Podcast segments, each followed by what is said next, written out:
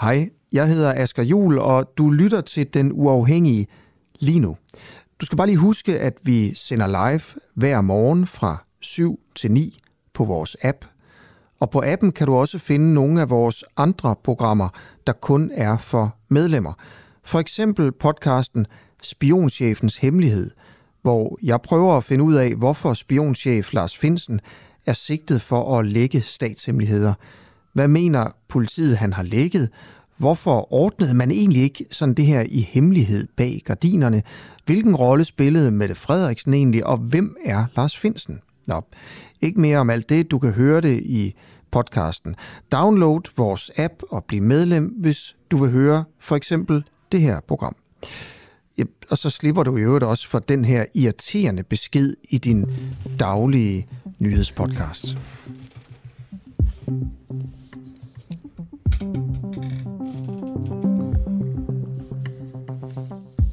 Velkommen til En Uafhængig Morgen med Camilla Boraki og Christoffer Lind.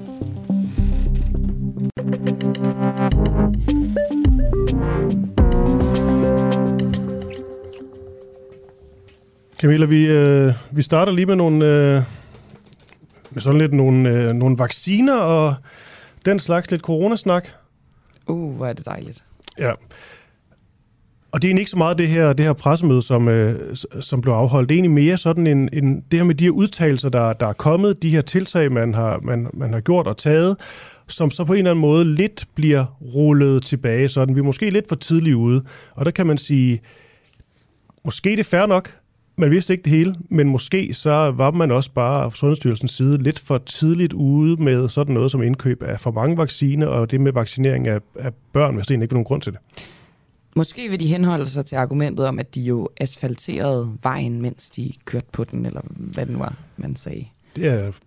Ja. Og, og altså ikke desto mindre, så er det jo, når det, når det handler om børn, så bliver det jo altid lidt mere spidst. Ja, fordi Sundhedsstyrelsens direktør Søren Brostrøm og også virolog Anders Randrup, de har altså sagt, at det ikke gav stor mening at lade de yngste vaccinere med den viden, vi har i dag. Og det synes vi, der er lidt interessant. Det må man sige. Så nu taler vi med, vi med øh, Christian Kanstrup Holm. Han er forsker og lektor ved Institut for Biomedicin på Aarhus Universitet. Og lad os egentlig bare lige starte der med dig, Christian Holm. Er der, øh, er der nogle børn, der har taget skade af at få sådan en, øh, en vaccine her? Og godmorgen til dig. Ja, godmorgen. Nej, det, det tror jeg ikke. Det vil i, i så fald være ufattelig få øh, børn, der har, der har fået en skade direkte af vaccinen. Øh, de tal, jeg har set, der har det været negligerbart, vil jeg sige. Så, så hvad kan man sige? På den front er, jo ikke, øh, er der jo ikke så stor skade sket. Det er nok værre med tilliden til sundhedsmyndighederne, der har lidt et knæk her. Mm. Og jeg må sige det der med, at der undskyldning om, at de ikke vidste bedre på det tidspunkt, den, øh, altså det ved jeg sgu ikke helt, om man kan sige. Øh, man, det man i hvert fald kan sige, det er, at øh, de vidste ikke, at det ville have en effekt, og så tog de chancen.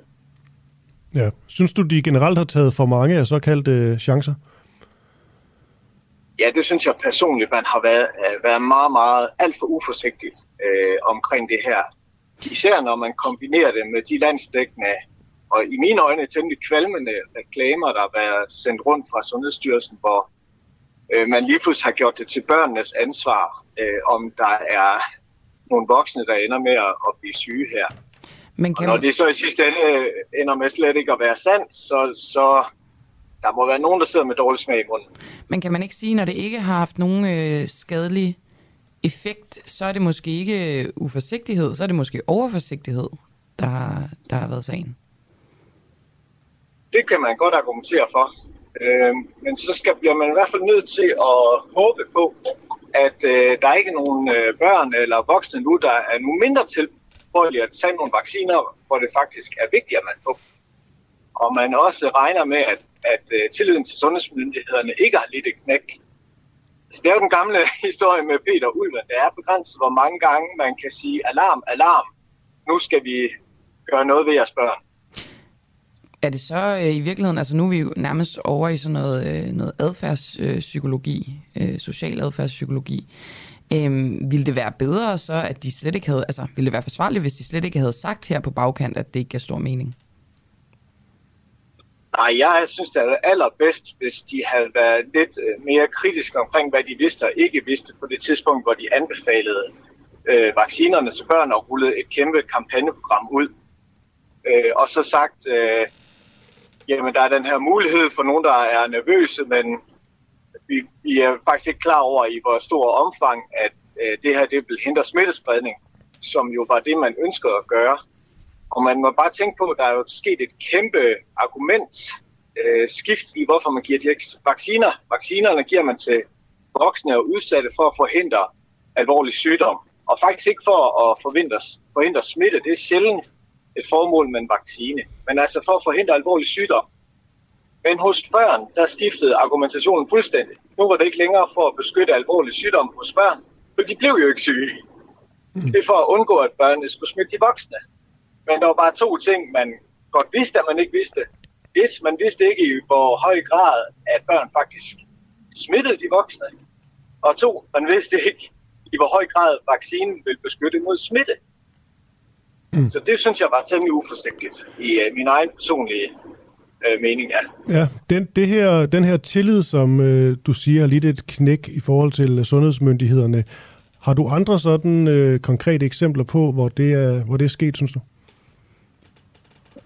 Øh, jamen, vi kan jo, øh, vi kan jo gå øh, langt tilbage her, når vi på landstækkende øh, til øh, tv øh, hører Statens Serum Institut sige, at vi ved nu, at vaccinerne beskytter bedre mod infektion end naturlig immunitet opnået igennem infektion.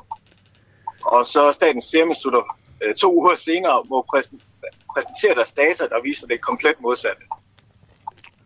Øh, det, det, der synes jeg, der har været en del af de eksempler, må jeg indrømme. Ja. Har der, har der, er der blevet taget for mange sådan øh, politiske over faglige beslutninger? Øh, det virker som om, at man har besluttet, at noget skal være rigtigt, og så har der ikke været plads til en ordentlig savlig diskussion om, hvor, hvorvidt det nu også er rigtigt. Okay. Tak for lige at give dit øh, besøg med her, Christian Kanstrup Holm, forsker og lektor ved Institut for Biomedicin. Det var egentlig bare lige det, og så øh, må du have en god, øh, god fredag og weekend. Jo, tak, og lige måde. Tak, tak for det. Altid øh, klar at tale for den gode, øh, Kanstrup Holm. Masser af godmorgen fra lytterne derude. Annie, Nils, Hans, Jakob, en Jakob mere, som siger, god Sankt Hans morgen. Var du ude og se bål? Så... Nej, du var ej. Det ved jeg bare, det, det, det ved jeg bare, du ikke var. Det var jeg heller ikke. Nej, det ved jeg bare, du ikke var. Nå, øh, Hvis godmorgen. jeg ser, at der er bare anledning til fællesang, Ja, så, så løber så du ikke vej. Hold da op, du må have haft en hård corona. Nå, øh, Jane Eskilsen siger godmorgen sidste dag inden sommerferien. Det er jo rigtigt. Det bliver mærkeligt på mandag ikke at skulle stå op til jer klokken 7. Og det, øh, det må I jo leve uden indtil ja. august måned. ja, måske bliver det også en befrielse. Det må du da ikke sige. Nej, det bliver da, det er da ærgerligt. Vi vil også egentlig gerne øh, sende lidt mere, tror jeg, men øh, man skal også holde ferie. Man skal også holde ferie, og der er også noget med nogle ressourcer. Vi skal have flere medlemmer. Vi håber jo på at kunne nå 500 medlemmer i dag. Jeg tror, vi ligger lige omkring de, de 200 nye medlemmer, vi har fået. Så det er da bare en uh, hurtig opfordring til, at hvis man ikke allerede er medlem, så gå ind og bliv det mm. på www.duah.dk. Godmorgen til, fik jeg sagt, Bregne, Bob og Susanne Kjellerup. Dejligt, og, og dejligt lytter, lytter med derude. Det er jo meget kedeligt at lave sådan noget her, hvis der ikke er nogen øh, lytter, så er det altid ret, at I lige, øh, I lige melder ind. I dag, der, øh, der spørger vi om 21.550 kroner er, er mange penge. Det er sådan spørgsmålet. Ja, det er jo svært at sige, ikke? Man skal lige kende en kontekst. Og det kommer nu. Fordi det er det, det, det beløb, som en uh, enlig mor med to børn ifølge Cepos modtager i kontanthjælp og sociale ydelser om måneden med de nye kontanthjælpsregler. Og det er jo, altså, det er jo, det er jo efter skat, det her. Det er det. Det er sådan penge på ind på bogen. Det er så før, man selvfølgelig skal bet- noget som skal betale til sin, uh, sin bolig og sådan noget. Der er mange, Og institution. alt sådan noget der, ikke? Jo, jo, der, er- så der er mange udgifter, som jo ikke er medregnet her, men på den anden side, og skal det også lige siges, det her, det er sådan et, tror jeg, maksbeløb, og det, det er med det hele. Ja. Altså det er også børnebidrag og Ja. tilskud, alt, alt muligt, ikke? Boligstøtte. Ja, det, er, det er sådan det, det højeste, du kan få, men stadigvæk. Ja, ja, og nu fik jeg sagt institution. Jeg mener også, at man kan få øh, altså, hjælp til noget institution, Ja, ja, hvis man er på kontanthjælp og sådan noget. Øhm, ja, så det er jo interessant, altså også når man snakker øh, fattigdomsgrænse og så videre, ikke? Og, og, og generelt den her nye indkomsttrappe, som jo ja, hvad skal man sige, komprimeret kontanthjælpsloft, der giver lidt mere plads til, øhm, til at man har øh, indkomst ved siden af osv. Ja. Men det er da, det er da flere penge, end, øh, end vi trækker ud i hvert fald. Det, det var også det. Jeg har heller ikke to børn. Det har du. Du til gengæld ikke egentlig. Det er svært at vurdere, ikke? Det er det, det, det vi egentlig skal prøve at, at, at finde ud af i dag. Og det gad jeg egentlig også godt have jeres mening om øh, derude. Skriv gerne ind, om det er øh, for meget, for lidt, passende, at det... Øh, altså, hvornår er man fattig? Det er jo også noget, der bliver diskuteret politisk. Ja, og vi har vel også... Øh, vi har vel, ja, det har vi da. Plads i programmet til, en lytter også kan, kan ringe ind, hvis man gerne vil... Meget gerne. Meget ja. gerne. Også fordi, øh, det er jo ikke et... Øh, nu er det så Cepos, der har øh, fortalt os det her tal. Det er også noget, man selv kan finde frem til, men det er jo ikke sådan et øh, tal, der er blevet klistret øh, på regeringens udtalelser i forbindelse med det her. Nej. Altså sms 1245, skriv du og mellemrum din besked, 1245 du og mellemrum din besked, eller gå ind i vores øh, live feed på Facebook. Og, ja, du kan sagtens bare give dit, øh, det vil vi meget gerne have, give dit besøg med, men hvis du også føler, at du gerne vil snakke om det og diskutere det, måske har selv været på kontanthjælp, er det nu et eller andet, så, øh, så skriv, hvis vi må give dig et øh, kald, så ringer vores producer derop, og så kan I ligesom derfra tage en dialog om, øh, du gerne vil med i radioen. Men Præcis. vi har i hvert fald tid på programmet til en, øh, til en snakker. Og vi har også en del øh, relevante politikere med. Den første af dem, det er René Christensen, som er beskæftigelsesordfører for Dansk Folkeparti. Øhm, og ham skal vi jo spørge om øh, enlige møder for for meget i kontanthjælp. Netop det her beløb, som øh, Cepos har, øh, har udregnet. Mads Lundby Hansen nærmere, som er cheføkonom i Cepos. Øhm, 21.250 kroner efter skat om måneden. Måske skal vi lige høre, hvad Mads Lundby han sagde. Nettesum, bundlinjen er til en enlig med to børn efter skat 21.250 kroner om måneden ifølge regeringens egne tal. Og det man kan sige, det er, øh, at med den her aftale, øh, så bliver det meget mindre fordelagtigt øh, at tage et øh, lavlønsjob. Det er sådan, at i dag der er gevinsten øh, øh, ved eller øh, under VLAG, der var gevinsten ved at tage lavlønsjob for den ene mor med to børn cirka øh, knap 5.000 om måneden, og nu ligger man på cirka 2.000 om måneden. 2.000 om måneden, hvis der er 20 arbejdsdage på en måned, så er det cirka 100 kroner per arbejdsdag. 21.250 kroner for en enlig mor øh, med to børn på kontanthjælp. René Christensen, beskæftigelsesordfører i DF. Er det mange penge? Og godmorgen. Godmorgen. Ja, det kan man jo diskutere, om, om det er mange penge eller det er lidt penge. Øh, og det er sådan ikke det, det handler om. Det, det handler om, er jo, om det kan betale sig at gå på arbejde. Og hvis man har et højt forsørgelsesgrundlag, når man er på passiv forsørgelse, og man så bliver fastholdt i passiv forsørgelse. Og det gør man jo. Altså jeg synes jo sådan set, det, sådan tror jeg, at de fleste mennesker tænker, at når man går på arbejde, så gør man det selvfølgelig for at få et fællesskab og en identitet og alt muligt andet, men man gør det jo også for penges skyld. Og hvis man kommer ned og det er 100 kroner om dagen, man kan tjene. Og hvis man så også skal køre en bil, måske 10 eller 15 km for at komme på arbejde, så tjener man jo ikke penge, så koster det faktisk penge at gå på arbejde, og så vælger man ikke at tage jobbet. Og så er man jo ikke i job, og så gør man det netop over for en enlig mor, altså en mor med børn. Og det er jo helt galt, at man faktisk, en mor, som har børn, fastholder hende på passiv forsørgelse. Så det er en bjørnetjeneste, man giver de her mennesker. Så det er ude fra devisen, altså der siger du jo også indirekte, at det her beløb er højt øh, set i forhold til incitamentet for at øh, komme væk fra offentlige ydelser, offentlig forsørgelse, og så øh, begynde at arbejde i stedet for? Ja, altså forskellen på at, øh, at ikke være på arbejde og være på arbejde er så lille, så øh, jeg har da sådan set forståelse for, at der er nogen, der siger, hvorfor skulle jeg tage det job? Og så er der jo fuld, noget fuldstændig galt, at hvis man kan være på passiv forsørgelse, man skal jo huske, at øh, når man er på passiv forsørgelse, så er det jo dem, der går på arbejde, der betaler ens løn. Vi er jo et skattefinansieret samfund, så det er jo alle dem, der går på job og betaler deres skat, og det er jeg sådan set rigtig glad for. Jeg er også glad for, at vi har et kontanthjælpssystem. Men det må jo ikke være et system, der holder fast i folk. Det skal være et system, der sørger for, at folk kommer ud og får sig et job og bidrager til fællesskabet.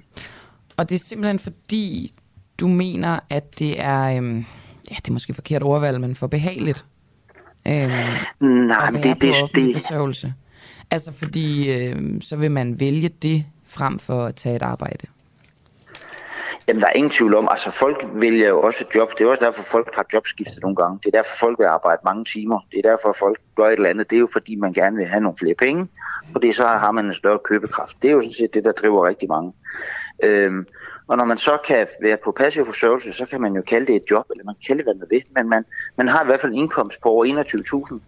Så kan man gå ud og tage et andet job, hvor man kan få en lille smule mere. Men hvis det samlet set giver mindre, fordi man måske får en lille udgift i forhold til at komme frem og tilbage på job, jamen så tager man det jo ikke. Og det er vel sådan set heller ikke Altså, det er jo ikke forkert at tænke på den måde. Udfordringen er jo bare, at så er det jo systemet, der er forkert. Det er ikke menneskerne, der er noget i vejen med.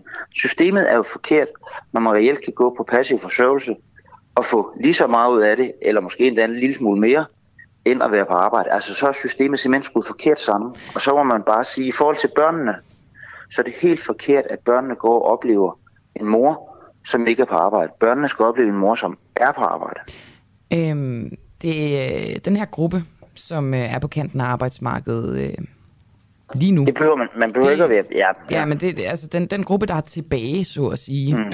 ikke en så stor gruppe, vi har en øh, meget lav arbejdsløshed, de kan jo også øh, have andre udfordringer, end bare ikke at kunne finde et, et job. Er de ikke berettiget til at øh, have et øh, hvad skal man sige, værdigt øh, liv, også når de har børn?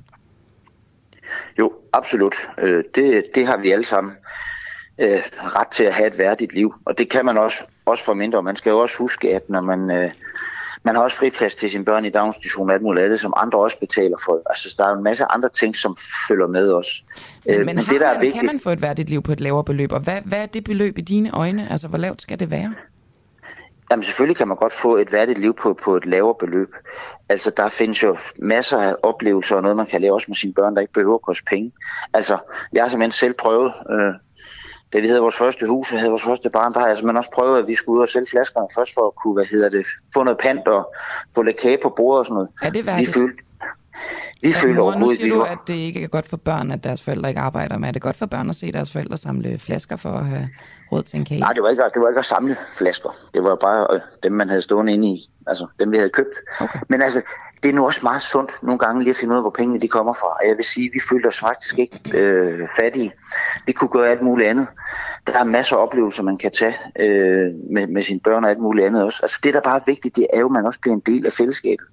Og det, der er problemet her, det er jo, at man fastholder folk i en situation, som faktisk ikke er særlig god for nogen. Og så er jeg enig i, at der er også nogen, der er på kontanthjælp, som kan have andre udfordringer, end det, de er ledige. Og det skal man selvfølgelig have hjælp til. Hvis det er, fordi man mangler nogle kompetencer eller noget, hvis man ikke har fået god nok karakter i skolen, som ikke kan gå i gang med en ungdomsuddannelse, hvis man er ung mor eller andre ting, så skal man selvfølgelig have hjælp til det. Det er jeg fuldstændig enig i.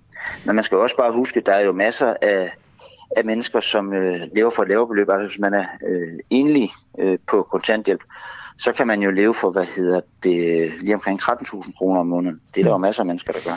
Altså 21.250 kroner, det er øh, også med øh, sociale ydelser oveni, andre sociale ydelser oveni. Mm, ja. Hvor går grænsen for dig? Altså hvilket, hvis du nu øh, havde mandater til at sætte beløbet, hvor skulle Jamen, det så vil... ligge henne for, at du mener, at der er incitament til, at man går ud og tager sig et arbejde? Jamen, jeg vil starte med at fjerne det, hvad hedder det, det børnetilskud, som hvad hedder, regeringen har besluttet på 2.000 kroner skattefrit om måneden. Hvis man kigger på det, øh, så går det jo netop til, til børnefamilierne. Hovedparten af de børnefamilier, der får det som står uden for arbejdsmarkedet, det er faktisk folk med ikke-vestlig baggrund. Altså det vil sige, det er flygtninge indvandrere. Det er hovedparten, der får de her 2.000 kroner skattefrit om måneden, og de er formodentlig også med i det her beløb.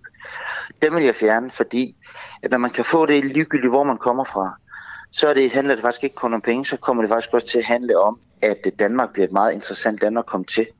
Øh, både hvad hedder det, fra tredje verdenslande, altså flygtninge indvandrere, men faktisk også, når man kommer til Danmark fra de tidligere østeuropæiske lande eller andre steder, så skal man jo kun arbejde, det har regeringen også lavet om. Bare man er her et år, så er man jo berettiget til at få de her, hvad hedder det, offentlige forsørgelse. Og det er jo, det er jo helt galt. Den her regering har jo gjort det danske velfærdssamfund til en magnet til både europæere, som er udfordret, men jo folk fra hele verden, og det er helt galt. 19.250 kroner. Har man øh, incitament til at arbejde, hvis man er en enlig mor med to børn, hvis man får det beløb til rådighed? Jamen jeg vil sige, det handler faktisk ikke kun om penge. Det handler også om noget rimelighed. Det handler faktisk også om, at der er nogle mennesker, der er ude på arbejdsmarkedet, som passer deres arbejde hver dag, går på arbejde 37 timer. Og det er, det er René Christensen, undskyld, jeg afbryder, det er bare for ikke at afspore det, fordi nu snakker vi ja. incitament til at arbejde. Jeg er bare interesseret i, hvor man ja, skærer det kroner. Jamen altså, der er ingen tvivl om, at når man øh, kommer længere ned, så bliver det mere interessant at få et job. Altså, pengene er en motivationsfaktor. Det tror jeg ikke, der er nogen, der vil være uenige med mig i. Det er det. Så selvfølgelig, når man kommer længere ned, så er der en større motivation. Altså, gevinsten ved at tage sig et job er højere, jamen så er man også mere motiveret for at tage det. Og det vil jeg så sige, det er, altså, sådan er det jo, og det er fuldstændig fair ting sådan, og det er heller ikke forkert af dem, at den enlige mor øh, sidder og tænker, hvorfor skulle jeg tage et job øh, til, til 22.000, når jeg nærmest ikke får noget ud af det. Altså, det, det, er jo ikke, det er jo ikke hende, der tænker forkert, hun tænker jo logisk. Øh, det er simpelthen ydelserne, der er for høje. Men ja, René Christensen, er du så sådan mere egentlig på den her groft sagt Cepos-vogn, end på, uh, lad os bare sige, SF's vogn, som virkelig har kæmpet for, for, for det her. Altså, mener du, at, uh, at beløbet er alt for højt? Jamen, det skaber total ulighed, at man uh, kan få så uh, højt et beløb ved at være på passiv forsørgelse uh, i forhold til at være på arbejde. Der er nogen, der går på arbejde og betaler deres skat, arbejdsmarkedsbidrag og de andre ting, man betaler, når man er på arbejdsmarkedet, uh, og de får reelt ikke noget ud af det. Det er jo fuldstændig galt. Øhm, du siger selv det her med, at øh, det er bedst for børn at se deres forældre arbejde. Man må antage, at de fleste forældre gerne vil gøre det bedste for deres børn.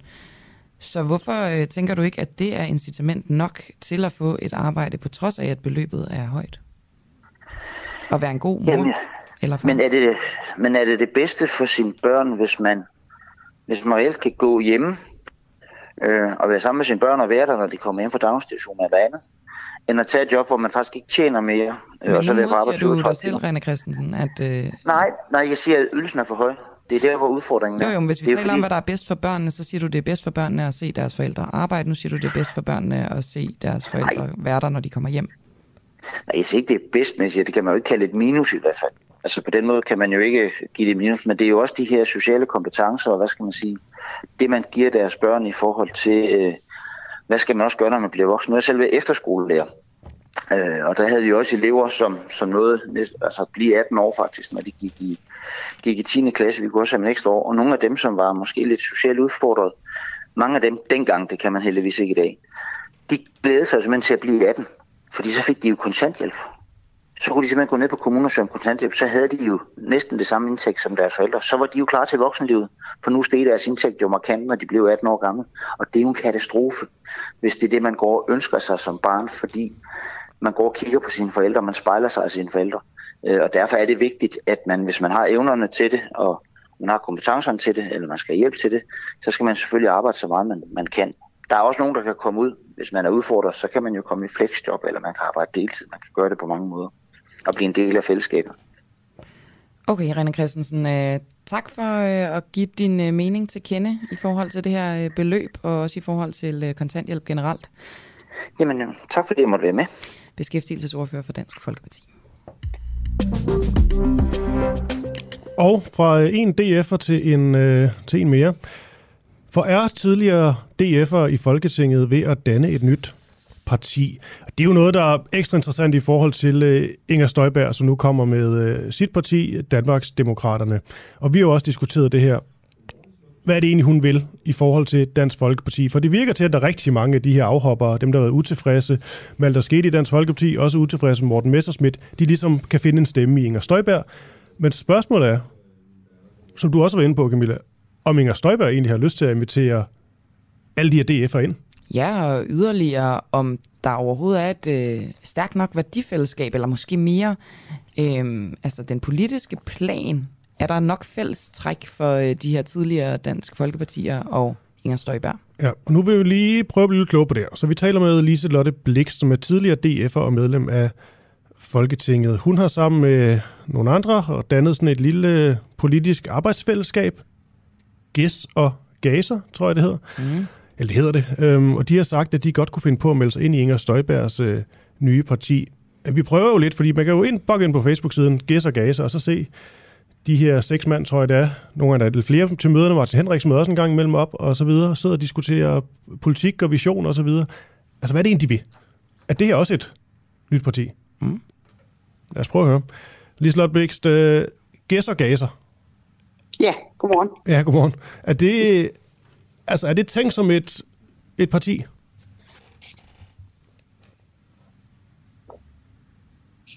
Lislot? Kan du høre os? Nej, jeg hørte ikke mere. Der blev helt stille. Nå, for Nå, pokker. kan du høre os nu? Nu kan jeg godt høre jer. Og det var godt. Jeg synes, det var meget lang pause, tog til det svar. Nå. Ej, øh, vores- vi vil egentlig bare gerne vide, Gæs og Gaser, Ja. er det et parti? Nej, det er det ikke. Det er derfor, det har fået det her sjove navn, for at det skal forveksles med et parti. Det er et arbejdsfællesskab. I det arbejdsfællesskab, hvad er det så for nogle øh, mærkesager, I diskuterer og øh, finder fælles ståsted omkring? Jamen i det her arbejdsfællesskab, så har vi jo siddet i forskellige udvalg, øh, de medlemmer, der er, og derfor har vi så diskuteret, når der har været nogle sager oppe, eller vi har kommet med nye forslag, som øh, vi så kan være enige om. På mit område, så har jeg haft et forslag om, at man skulle autorisere nogle bestemte sundhedsgrupper, for eksempel. Ikke? Øhm, og så har der været ja, forslag fra nogle af de andre, og det er nogle af de ting, vi har talt om. Det er øh, iværksætteri, det er miljø, det er social- og ældrepolitik og sundhedspolitik hovedsageligt. Okay, og I har jo meldt, øh, meldt ret klart ud, at I godt kunne finde på at melde, sig, melde ind i uh, Inger Støjbergs øh, øh, parti. I var også der, hvor hun blev, øh, blev formelt løsladt ude og, og fejre det, ja. øh, og så videre. Er det fordi, I føler sådan et øh, politisk slægtskab med, med Inger Støjberg helt ind til kernen? Jamen det er det jo. Nu kender vi jo ikke hele hendes politik. Øh, jeg kender jo ikke Inger så meget, fordi jeg har ikke siddet i udvalg med hende og arbejdet på de områder, hvor hun også har været. Øh, Hverken hvor hun har været som minister eller udvalgsmedlem. Øh, men, men det jeg hører, øh, hun har været ude med, det kan jeg godt lide. Altså hun er bramfri, hun øh, siger tingene på en måde, så de er til at forstå, også for den almindelige borger. Og så er hun ikke bange for at komme i skudlinjen, når, når der er nogle ting. Og det kan jeg altså godt lide. Altså, der er for mange politikere i dag, der skal plise øh, nogle bestemte grupper, eller øh, sige et og gøre noget andet. Øh, og det, der har jeg en øh, tillid til, at øh, det Inger siger, det mener hun altså også, og det står hun ved. Men der er jo ikke så meget politisk substans i det, Lislot. Hvad for noget øh, politisk kan du øh, se dig selv i, i henhold til det her parti, det nye parti? Jamen det er netop det, også derfor, jeg, når folk spørger, om jeg har meldt mig ind i partiet, siger, at det ved jeg ikke endnu. Det kommer der fuldstændig an på, om vi kan se hinanden politisk. Øh, både på den økonomiske plan og specielt det område, som beskæftiger mig, det er social- og sundhedsområdet, som, øh, som jeg kæmper for, øh, og hele psykiatriområdet, som er i en ja, øh, rigtig dårlig stand i øjeblikket. Øh, og det skal jeg selvfølgelig kunne se mig selv i. Det er det vigtigste for mig. Øh, og så selvfølgelig, at det ikke afviger fra ret meget andet. Men øh, jeg synes, det er det, øh, noget, jeg kan se mig i i hvert fald. Men jeg mangler ligesom at få en snak med Inger, for at sige, jamen, øh, er, det, er det den her vej, vi kan gå, og øh, kan jeg arbejde videre på den måde, som jeg har gjort i snart 15 år? Mm. Fordi jeg har heller ikke lyst til at komme ind i et parti, hvor de siger, jamen Lislot, du må ikke sige sådan og sådan, eller du må ikke mene sådan og sådan. Øh, det ved vi jo fra andre partier, sådan det kan jo godt være i nogle tilfælde. Er Så det skal no- jeg lige have afklaret. så selvfølgelig, og man skal jo se hendes, øh, hendes politik, den skal jo fremlægges og alt det her. Er der nogen ja. sådan, fordi hun er jo, det skal man ikke glemme, Inger Støjberg. Hun er jo ikke DF'er. Og hun har været, Nej. i, hun, hun har været i Venstre, og altså, nu er det som om, det er lidt af vendt, og nu taler hun meget negativt om EU, men spørgsmålet er, om det er noget, der er sket her for nylig, og så videre. Men det, jeg vil frem til, det er, er der sådan en, nogle politiske mærkesager for Inger Støjberg, som på en eller anden måde kunne gøre, at du ikke vil støtte hende? Ja, altså hvis hun startede med at sige, at øh, nu skulle skatten bare sættes ned for alt de højere, højlønnede, øh, og man ikke tog hensyn til, om der var penge til velfærden, så var det nok ikke noget, jeg kunne støtte. Øh, og der har jeg da hørt hendes udtalelse i går, at selvfølgelig ønsker alle skatten ned, men øh, det skal også være sådan, så vi kan sikre den velfærd, vi har. Men øh, det er der jo nogle partier, som øh, nærmest går til valg på, at man skal have skatten sat gevaldigt ned, og det, den tror jeg ikke på. Jeg tror ikke på det realistiske, og derfor kan jeg ikke se mig i et parti, som vil komme med den udmelding. Okay. Inger Støjberg, hun siger, hun savner et, øh, et borgerligt parti, der varetager interesserne for folk, som er flest, også der skal være mere fokus på det, der foregår uden for København. Og det er sjovt, da jeg hørte de udtalelser, så tænkte jeg, var det ikke det, Dansk Folkeparti skulle være? Jamen, der er jo rigtig mange partier, som kommer med en hel masse, men ikke gør noget ved det. Altså, jeg har da savnet i Dansk Folkeparti, at, øh, at der var nogle flere, der tog den her sundheds øh, til sig, som jeg har kæmpet for, psykiatri. Altså, man kan ikke være alene mand i et parti, der kæmper nogle sager. øh, uden at der også sættes penge af til det, og der bliver prioriteret på en måde, så man kan se, at det er faktisk noget, man mener. Øh, og så mener jeg, at det er på, på mange områder, og derfor mener jeg også, at øh, en, en leder skal også kunne gå foran og sige, at det her, det er det, vi vil på det her område. Du er inde på Inger Støjberg som person og politiker, øh, Lislot. Hun, øh, det er jo også meget noget, hun brander sig på. Man skal være øh, ærlig som politiker, man skal sige, hvad man mener ja. osv. Øhm, det her med, at hun tidligere har været ude og plædere for, at øh, man skulle afskaffe retsforbeholdet, mens hun selv stemte nej til det. Hvad tænker du om det? Er det, en, øh, er det sådan, en ærlig politiker øh, er? Jamen, øh, vi ved jo, hvordan det er at være politiker i et parti. Det er, at du skal rette ind i forhold til, hvad øh, flertallet i gruppen mener. Sådan er det, og sådan er det for, for alle partierne. Der er måske enkelte, der laver frit afstemning til deres medlemmer en gang imellem, få gange. Men ellers er det jo noget, man taler sig til ret til. Så selvom at du kan være uenig om nogle ting, så bliver du nødt til at stemme, som gruppen mener. Men havde det ikke øh, været sådan, mere ærligt det. i det tilfælde så at øh, trække sig lidt tilbage og ikke være så intenst ude og føre kampagne for det modsatte af, hvad man, øh, hvad man selv mente og man stemte? Jo, men det er svært. Jeg har da også været ude nogle gange og sagt nogle ting, hvor jeg tænkte, det her det er ikke lige min politik, men det er det flertal mener. Hvad er et eksempel øh, på det? Og, øh, der kan være flere forskellige ting. Altså jeg kæmpede jo meget mod, at man skulle øh, øh, forbyde omskæring, og der vil jeg da sige, der var gruppen, der ikke enige i det i mange, rigtig mange år, før man så til sidst ændrede mening. Øh, og der er andre ting. Øh, der har været en del omkring øh, LGBT-miljøet, som jeg godt vil have lettet lidt. Øh, for eksempel medfaderskab, som jeg også har stemt for nu her i borgerforslaget. Øh, der vil jeg så også sige, at det er jo ikke alle gæser gaser, der var enige om det. Øh, så, så på den måde... Men der har så du har ikke stemt mod din egen øh, opfattelse. Det lyder ikke, som om du har lavet... Altså, og nogle gange har man jo gjort det, har man stemt som gruppen ønskede det. Øh, men heldigvis, den her gang stod jeg så udenfor at kunne, kunne stemme det, jeg selv ville. Ikke? Men så der er nogle, øh, nogle øh, niser, hvor man kan sige, øh, der har man måttet øh, følge øh, demokratiet i gruppen. Ikke? Liselotte Bæk, jeg er lidt interesseret i det her, øh, nu vender jeg lige tilbage til det her citat, altså det med, at et borgerligt parti, der varetager interesserne for folk, som er flest. Øhm, ja. Jeg, igen, hvis det ikke er Dansk Folkeparti, hvad er Dansk Folkeparti så anno 2022? Jamen, nu skal jeg jo ikke udtale mig om, hvad Dansk Folkeparti er. Altså, jeg har forladt Dansk Folkeparti, fordi jeg ikke kan se mig selv i den ledelse, der sidder. Øh, det har ikke handlet lige så meget om politik, men som øh, om, om ledelsesstil, tillid og, og så videre. Ikke? Så hvad, hvad de er, det må de snakke om. Altså, øh, vi har jo sagt i Gæs og Gaser, at øh, vi arbejder faktisk som det, det gamle øh, GF med, med de værdier, som der var der. Ja, men, men de værdier, det er bare fordi, det bliver meget sådan personligt, så er det, så er det sådan noget, måske lidt noget, noget fnider, man kan ikke lide den nye formand, eller et eller andet, der har været magtkampe og sådan noget, men sådan rent politisk, hvad er det så ja. for nogle konkrete værdier, som I arbejder på, I giver så gaser, som øh, de gør ind på borgen? Ja, vi ønsker nogle ting, der er, øh, bliver prioriteret højere, såsom psykiatri, iværksætteri, øh, social handicappolitik. Øh, det er nogle ting, vi gerne vil have løftet højere, end det har været. Inger Støjberg som leder. Hvad forestiller ja. du dig om hende øh, som en lederfigur? Jamen, øh, det er jeg også meget spændt på. det jeg kender som sagt ikke Inger øh, personligt, men hun virker til øh, at, at sige, hvad hun mener, og mene det, hun siger. Og det er en person, som, øh, som jeg selv er også. Hvad det kan falde det på? Folk Fordi på nu, nu gav jeg dig lige et øh, eksempel før, hvor det ikke helt var tilfældet. Kan du give eksempler ja, på, sådan, at hun øh, mener, hvad hun siger, siger, hvad hun mener, og gør, hvad hun ja, men, siger og mener? Men, men det, det eksempel, du giver, sådan er det i politik, at når du er medlem af et parti, så skal du følge partilinjen. Så, øh, så, så dem af os, der er interesseret for politik, vi ved, at sådan, sådan er det. Men når man går ud og siger, at man arbejder for nogle bestemte ting øh, i et parti, altså man laver et grundlag, hvor hun sidder som leder, jamen så har hun selvfølgelig også ansvaret for, at det er det, man følger. Og det tror jeg på, hun gør. Altså jeg har set de gange, hvor hun var i en shitstorm, eller en læserstorm, eller hvad der kan være, fordi hun udtaler sig om noget, men der holder hun altså fast, og det har hun jo også gjort i den her barnebrudssag og så videre. Øh, selvom der har været rigtig mange, der ønskede, at hun øh, ja, sagde noget andet. Ikke? Okay, Liselotte Blikst. Jeg tror lige her til sidst vil mig og Camilla gerne vide, øhm, fordi vi har talt meget om det her med Dansk Folkeparti, mm. øh, og de her afhopper, og hvorvidt... Øh, altså, de, der er mange afhopper, der gerne vil være del af Inger Støjbergs øh, nye parti, virker det til. Men vil Inger Støjberg også gerne have de gamle DF'er med ind. Hvad er dit indtryk?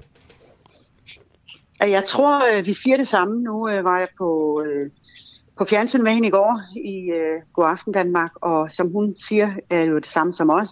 Vi skal først mødes. Vi skal se, om vi kan se hinanden i den politik, vi har fra begge sider.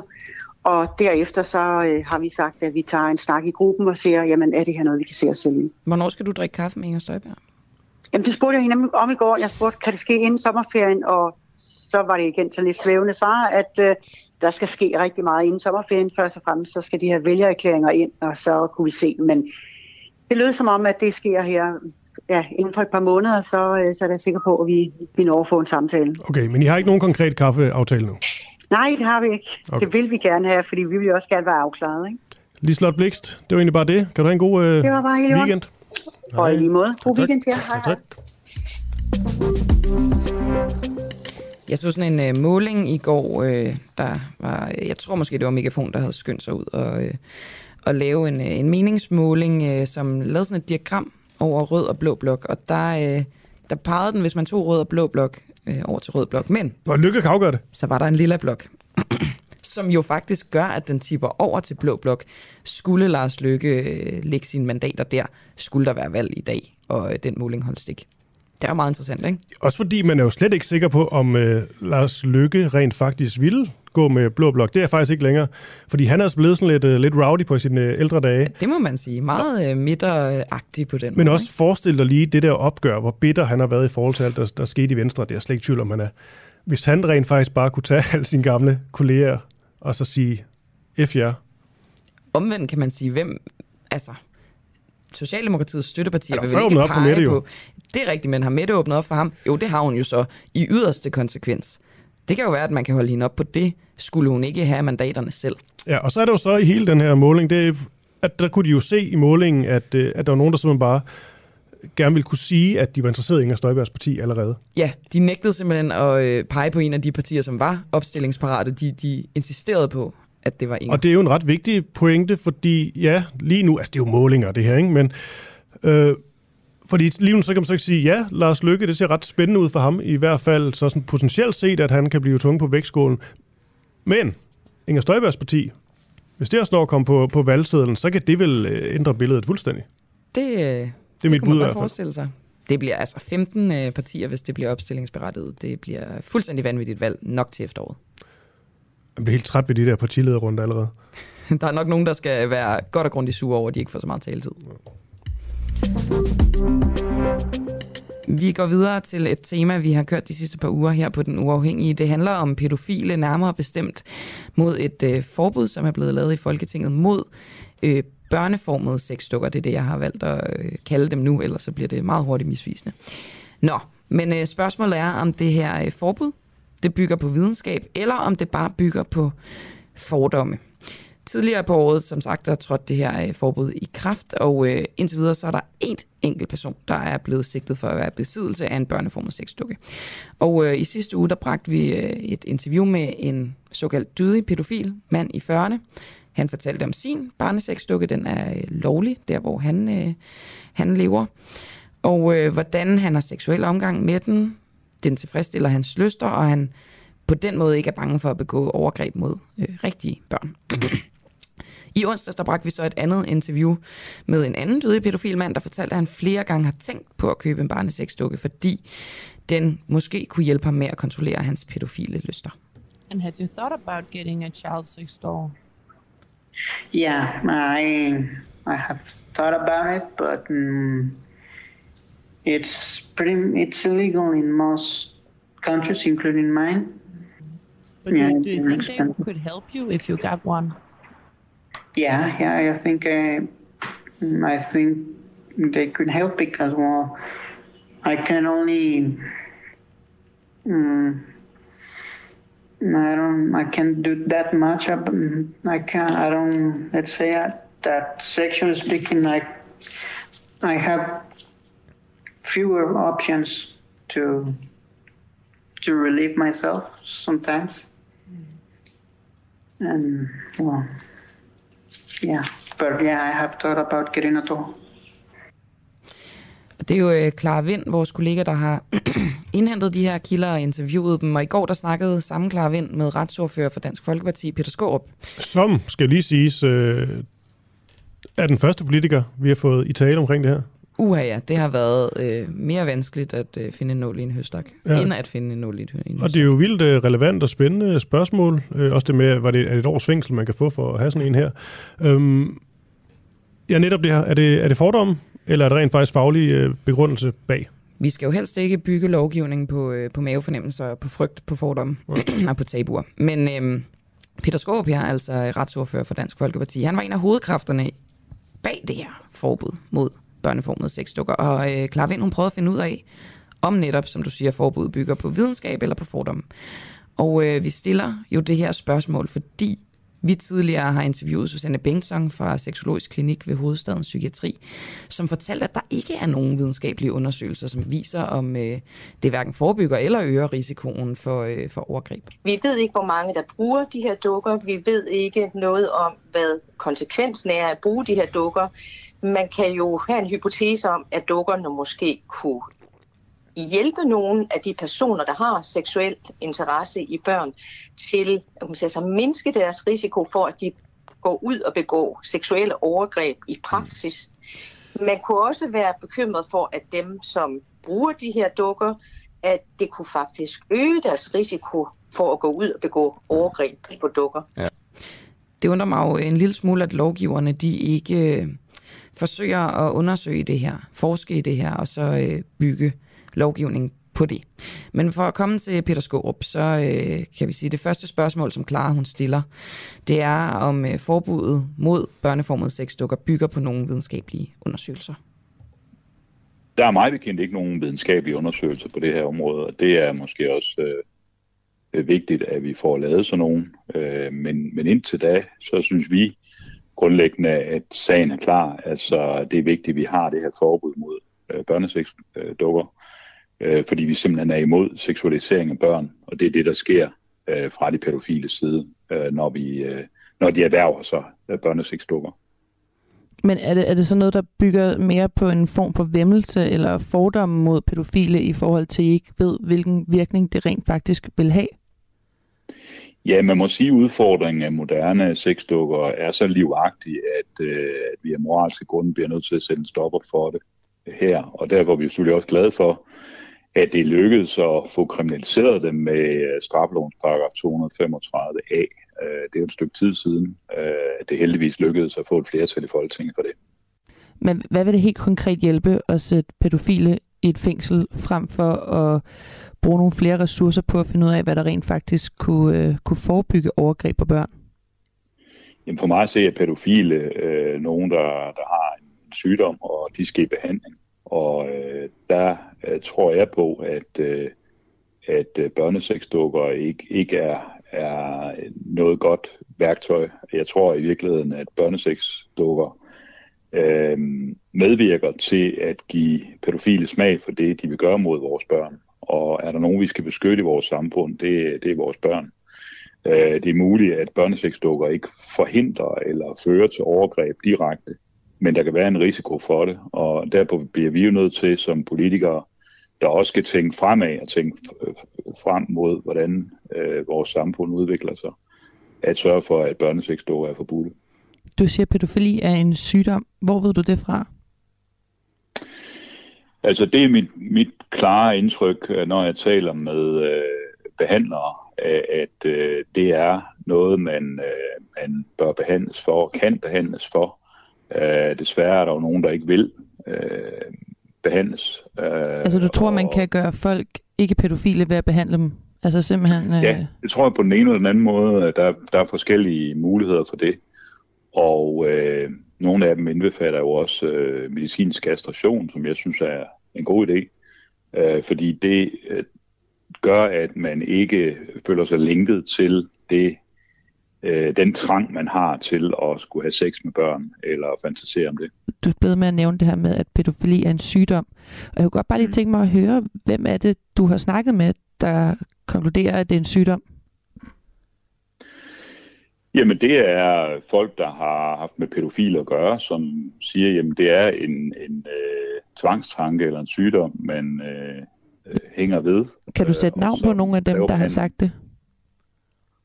Det skal de høre igen. Det er bare, om du kan sætte navn på nogle af de øh, forskere eller behandlere, som har sagt det her med, at det er en sygdom. Nej, det kan jeg faktisk ikke, men øh, det, det er mit klare indtryk ud fra de samtaler, at det er noget, der kræver behandling. Og det vil jeg også sige, at vi som samfund har en interesse i, fordi lige pludselig går der altså ud over uskyldige børn, og det vil vi ikke finde os i. Skridt. Hvad, hvad, hvad tror du så, de negative konsekvenser kan være ved, at I laver sådan et her forbud? Jamen, jeg kan egentlig ikke umiddelbart se nogle negative konsekvenser, fordi jeg mener, at det er vigtigt, at vi først og fremmest varetager børnenes tag her, øh, og ikke de pædofiles. Der er bare nogle forskere, der er ude og sige, at det her med for eksempel at øh, forbyde børnesexdukker er med til at stigmatisere pædofili. Og det her med, når du stigmatiserer det, så gør, at der faktisk kommer flere overgreb, fordi jo større tabu, jo flere, eller jo færre tør rent faktisk at gå hen og få professionel hjælp. Så jeg tænker, jeg synes du, det, det, det er værd at lave et forbud, hvis det rent faktisk kan føre til flere overgreb mod børn? Jamen, altså, der kan være mange meninger om det her, øh, og, det, og sagkundskaben, hvis man kan tale om det, for det er jo ikke noget, der er forsket meget i, hvis overhovedet noget. Øh, det, øh, det, det er, det, der, der kan også være forskellige meninger. Jeg har min mening som politiker, og øh, det er der så et flertal i Folketinget, der har været enige med os i, at vi skulle lave det her forbud. Og, øh, og det er der, vi står. Det er vores vurdering, og det er det bedste. Det virker bare især i sådan en her sag, øh, som om der bliver øh, lovgivet mere med følelserne, end rent faktisk på nogle videnskabelige undersøgelser. Om det er også grundlæggende et moralsk spørgsmål, det her. Altså det er grundlæggende moralspørgsmål, moralsk spørgsmål, om vi bliver nødt til at sætte en stopper for det her. Og det er, det er så der, vi har vurderet, det er også nødvendigt, fordi udformningen af sexdukkerne er så livagtige, at, øh, at det, øh, det kan være nærliggende tanke, at, at, at dukkerne øh, giver en, en pædofil smag for at vil gøre øh, det, de gør øh, mod, mod børn. Men der kan vel være lige så stor chance for, at det rent faktisk kan formindske overgreb. Altså, da I kom med det her øh, lovforslag, der var jo nogen, der kom ud fra seksologisk klinik og lavede, øh, lavede en hel øh, undersøgelse om, hvilke, hvilke hvad der kunne være, det kunne hjælpe, om det ikke kunne hjælpe. Og der står jo ret klart i konklusionen, at der ikke er nogen undersøgelser, der påviser det ene eller andet. Så når du siger, at det er jo for børnene, og der kan være risiciene for, at det kan mindske overgrebene, er jo lige så stor. Hvorfor så lave et totalforbud og sende folk direkte i fængsel i stedet for at udforske muligheden for, om det rent faktisk kunne formindske chancen for overgreb? Altså, jeg synes, vi må være glade for al den forskning og al, al den udforskning, der måtte ske øh, i forhold til at bekæmpe pædofili, fordi jeg tror, at det problem øh, er der stadigvæk, også efter vi har forbudt sexdukkerne. Jeg tror, det er øh, noget, vi skal regne med at er, er kommet for at blive, og vores øh, kamp eller vores ønske, øh, jamen det er jo så bare at formindske øh, det, som vores børn udsættes for øh, i forbindelse med det. Og der tror jeg, det her er vigtigt. Jeg tror også, det er vigtigt, at vi får sikret behandling af, af pædofile, øh, når vi har mulighed for det, altså mens de sidder i fængsel eller forvaring. Øh, sådan så, at, øh, at øh, man ikke undslår sig som i dag, hvor en del simpelthen undlader at, at gå ind i behandling og undlader at sætte i øjnene, at øh, de altså har et kæmpemæssigt problem med at styre deres øh, liv. Kunne en af grundene til, at de ikke turde gå til behandling, netop være den her stigmatisering? Øh, for eksempel, at øh, politikere taler om dem som sygdomme, og de skal behandles, og de ikke vil indse, at de har et problem. Kunne det ikke være med til, at der er færre, der så vælger at gå i behandling? Altså, er det vejen frem? Der kan være mange forskellige grunde til det, tror jeg, men øh, ikke desto mindre, så er det jo heldigvis sådan, at når man øh, kommer i fængsel, eller når man øh, kommer i forvaring, så har man jo mulighed for selv at, at vælge den dør, man går ind af. Altså ønsker man at, at underkaste sig behandling, og, og dermed se i øjnene, at man har et problem, jamen så er der jo alle muligheder øh, givet fra vores samfunds side og fra, fra fængslingens side. Øh, Øh, hvis man ikke ønsker det, så har vi altså en risiko for, at man kommer ud på den anden side og, og laver nye overgreb. Og det er, det er det fatale. Og det er det, vi skal gøre alt, hvad vi kan for at forhindre. Blandt andet gennem højere straffe, øh, men også øh, krav og krav, reelt krav om behandling. Så, så det, du egentlig ser, som der skulle være vejen frem for øh, med pædofile, skulle enten være forvaring, øh, anden form for fængsel, eller øh, for eksempel at blive kastreret? Jeg tror, at medicinsk kastration vil være godt for mange pædofile, fordi jeg tror, at det vil fjerne den trang, de har til at, at ville være seksuelt sammen med, med børn, og dermed også forhindre overgreb. Men det er sådan de tre muligheder, der vil være for det. Altså, øh, man, du ser ikke andre måder. Altså, hvad med dydige pædofile? Folk, der ikke har begået overgreb. Synes du også, at de skulle blive kastreret? Øh, hvis de ikke har begået overgreb, så er de jo ikke formentlig ikke endt i fængsel. Og, og så, har, så, så har vi jo en helt ny situation, eller anderledes situation. Men det kunne for eksempel være en børnesexdukke, kunne hjælpe dem, som ikke har begået overgreb. Jeg har snakket med, med flere pædofile den sidste uge, øhm, der har ja. været fra lande, hvor at børnesexdukker har været lovlige. Og øh, tre af dem, jeg har talt med, fortæller, at øh, det hjælper dem, fordi at øh, det er nok for dem at være sammen med de her dukker. De ved godt, at de har en forkert seksuel orientering, men de har brugt de her dukker øh, for at øh, ikke begå overgreb, og de siger, at det har været fuldstændig nok for dem. Og det betvivler ikke, at øh, du har haft sådan nogle samtaler, men, øh, men jeg vil også samtidig sige, at der, der kan være en risiko for, at, øh, at med de her sexdukker, der følger også reelle overgreb mod, mod børn. Øh, vi ser jo også øh, materiale, der altså øh, børnepornografi, øh, som, altså, hvor der er reelle ofre. Øh, nogen vil måske sige, at det har ikke, det har man ikke noget øh, andel i, øh, men, men reelt er der jo øh, ofre inde i billedet. Så det er mere sammensat end som så. Så jeg vil ikke købe den øh, tilgang, at øh, det ikke er skadeligt. Jeg tror, det er skadeligt. Jeg tror, det er vigtigt, at vi sender nogle signaler fra samfundets side, der ikke er til at misforstå. Og det gør vi jo her ved hjælp af forbuddet. Og her der er det vigtige ord nok, tror. Ja, også et par øh, markante udmeldinger, må jeg nok sige, fra retsordfører i DF, øh, Peter Skorp, til vores øh, journalist, Clara Vind. Klokken den er blevet 7.50, og Camilla, der er en ting, vi lige, bare lige sådan hurtigt skal vende. Gør det. Det er den her mink-sag, og den her mink-kommission, som snart er færdig. En uge? Ja, så får vi... Betænkningen. Og det, der bare er sket nu, det skete jo vel i, i går, tror jeg det var. Øh. Der tikkede der lige pludselig noget ind på, på Twitter, folk begynder at skrive vildt om, at Weekendavisen åbenbart har fået fingrene i dele rapporten, som så godt kan omskrives, når det endelig kommer, men altså, de har simpelthen fået lov til at læse nogle, øh, nogle uddrag, så vidt jeg har forstået. Og det har også bekræftet de her uddrag. Så den skulle være god nok.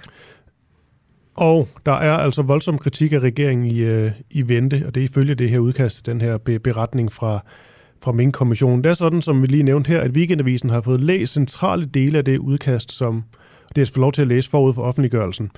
Og skal vi lige tage et par enkelte punkter her. Og som sagt, den endelige udgave kan være øh, revideret og anderledes, men hvor meget må dog? Ja, det er det. Nå, der er kritik. Stor kritik endda. Og det er altså på et af skalaens højeste trin. Værst går det efter sine ud over Miljø- og Fødevareministeriet, hvis ageren for bedømmelsen særdeles kritisabel. Statsministeriet har handlet meget kritisabelt. Der er vi altså oppe i toppen. Så vidt jeg har forstået, så er det sådan noget med, ja, det kan godt være, at I ikke vidste det. Det tror jeg ikke helt, man, man ved endnu, men, men hvis I ikke vidste det, så skulle I have spurgt. Fordi de vidste godt, at der var nogle andre, der vidste det i statsministeriet. Ja, og så skulle der efter sine også være øh, grov vildledning netop af både minkavler og offentligheden, da Mette Frederiksen på et pressemøde 4. november 2020 meddelte, at alle mink skulle aflives. Jeg vil bare lige sige, Camilla, lige, at der også yderligere hård, hård kritik af Justitsministeriet, Finansministeriet, Rigspolitiet og Fødevarestyrelsen. Det er hele baduljen, du. Ja, helt, helt fuld plade på en eller anden måde. Det spændende ved det her er jo, hvad afføder det af konsekvenser for alle mulige. Nu nævnte du alle parterne her. Mm, vigtigst af alt, Mette Frederiksen. Jeg hørte lige øh, Christine Kortsen, som er politisk øh, analytiker hos DR. Hun sagde, det er næse. Fordi hvis der skal en rigsretssag til med Mette Frederiksen, så skal regeringen gå af, og det tror hun simpelthen ikke, at øh, kommer til at ske. Men det, det, det ved jeg, jeg, jeg, men, altså, men jeg er jo ikke politisk analytiker. Det, det, det er ikke fordi, jeg siger, at det er forkert, det hun siger, men nu har jeg bare set rigtig mange politiske analyser og af det her, og de tager sgu også ofte fejl. Ja, ja, Blå Blok er jo også, også allerede nu ude og råber vagt i gevær og sådan noget, ikke? Så. Jo. Det bliver vildt. Nå, men det var bare lige sådan, øh, hvad vi ved indtil nu. Jeg kan ikke holde politiske næser ud. Nu siger jeg det bare. Det er så konsekvensløst. Altså, det her kan, kan da ikke afføde bare en næse. Det går da ikke. Nå, øhm, prøv at, vi skal lige reklamere for et nyt sommerprogram, som vi har her på Den Uafhængige. Ja. Øhm, det hedder Uafhængige Portrætter. Og øh, ja, det er fordi, vi overgår til en sommersendeplan, øh, hvor vi vil sende tre ret forskellige, vil jeg sige, magasinprogrammer ud mandag, onsdag og fredag kl. 8. Imens vi altså ikke sender en, øh, en uafhængig morgen. Øhm, vi er tilbage, kan jeg sige, den 8. august, hvis der er nogen, der er interesseret i det. Men øh, på mandag, der øh, bringer vi det første sommerprogram, som altså, jeg sagde, kommer til at hedde Uafhængige Portrætter. Og her øh, har Pernille Brunse altså øh, inviteret forskellige gæster, som vi har haft her i morgenprogrammet, øh, ind.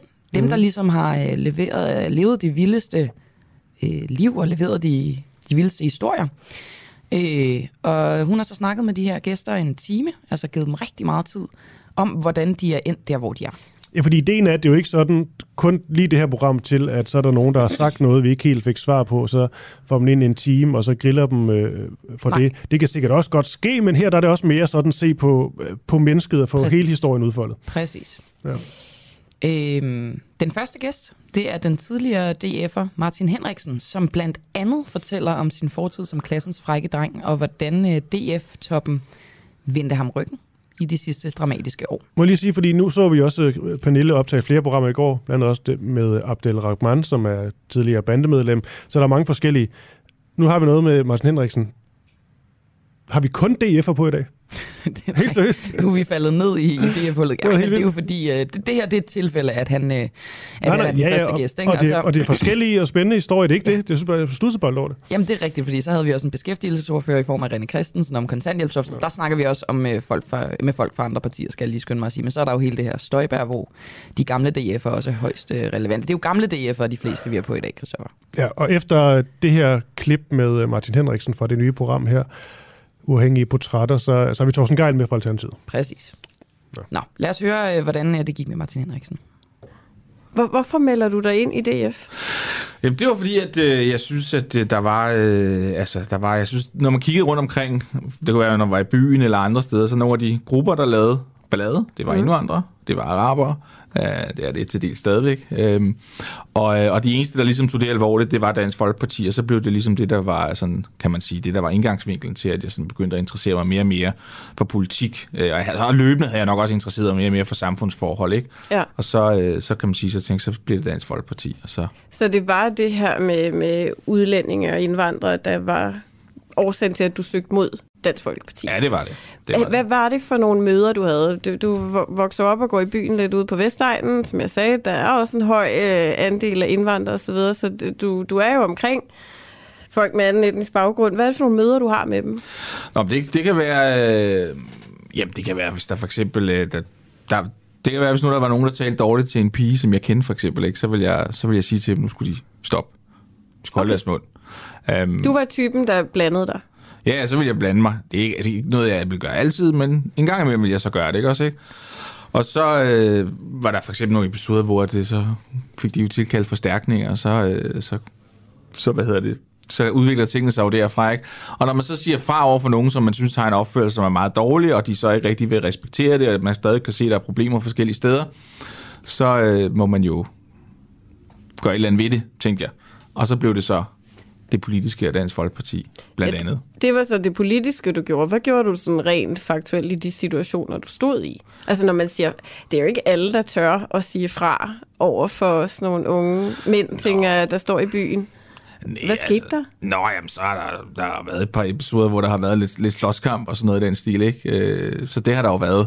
Altså, det øhm. havde, det havde den konsekvens for dig nogle gange, at når du sagde noget, så kom du i slåskamp? Ja, det kunne det godt have.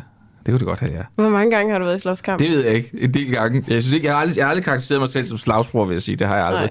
Nej. Var det dig, der slog først? Øh, nej, det kan jeg ikke huske. Det er jo over 20 år siden noget af det her, ikke også? Ikke? Så det kan jeg ikke... Det, det har der sikkert været nogle episoder, hvor jeg har gjort, men så har der også været nogle andre, hvor de har gjort. Jeg har jo altså, hvis det er der, jeg ser noget, som jeg synes er uretfærdigt, så har jeg sagt det. Ja. Så folk ikke har været i tvivl om, at jeg synes, at nu skulle de stoppe med det der, ikke? Mm. Og så har det jo som regel haft den effekt, at det de er blevet fortørnet over, ikke? Øh, så det er jo ikke mig, der så at sige har... Altså, jeg har bare markeret her, der, det skal man ikke gøre, det er ikke i orden, ikke? Martin Henriksen, fra gaden til borgen, er det for, for højt sat op? Han har simpelthen været i sin ungdom op og, og slås med øh, forskellige øh, andre unge mænd med, ja, han siger, med indvandrerbaggrund her, ikke? Op til flere gange. Ja. Det er også nogle gange nemt at sige på bagkant. Men det kan også være det rigtige. Jamen, det er ikke fordi, det ser ligefrem godt ud at have været i slåskamp, kan man sige. Eller hvad? Ej, jeg synes, der, der var der sådan en tone i hans... Øh, der var noget i hans tonefald, der også lød som om, at det, det var lidt sådan... Det skulle lyde lidt, lidt, lidt sejt på en eller anden måde, sådan lidt badass fra sine unge år, så var det heller ikke de hvide drenge, han slås med. Nej, nej, men det kan da godt være, at det, det branding-wise er godt for, for Martin Henriksen. Men det sagt har jeg virkelig ud fra, at han, øh, han taler usandt. Nej, men er en god... Altså god teaser. Jeg får lyst til at høre den interview her. Det, det gør har- jeg virkelig, virkelig også. Det har jeg faktisk aldrig troet, jeg skulle høre om. Nej, okay, så- jeg, kan slet ikke se det for mig. Nej, jamen altså, det er det. Nå.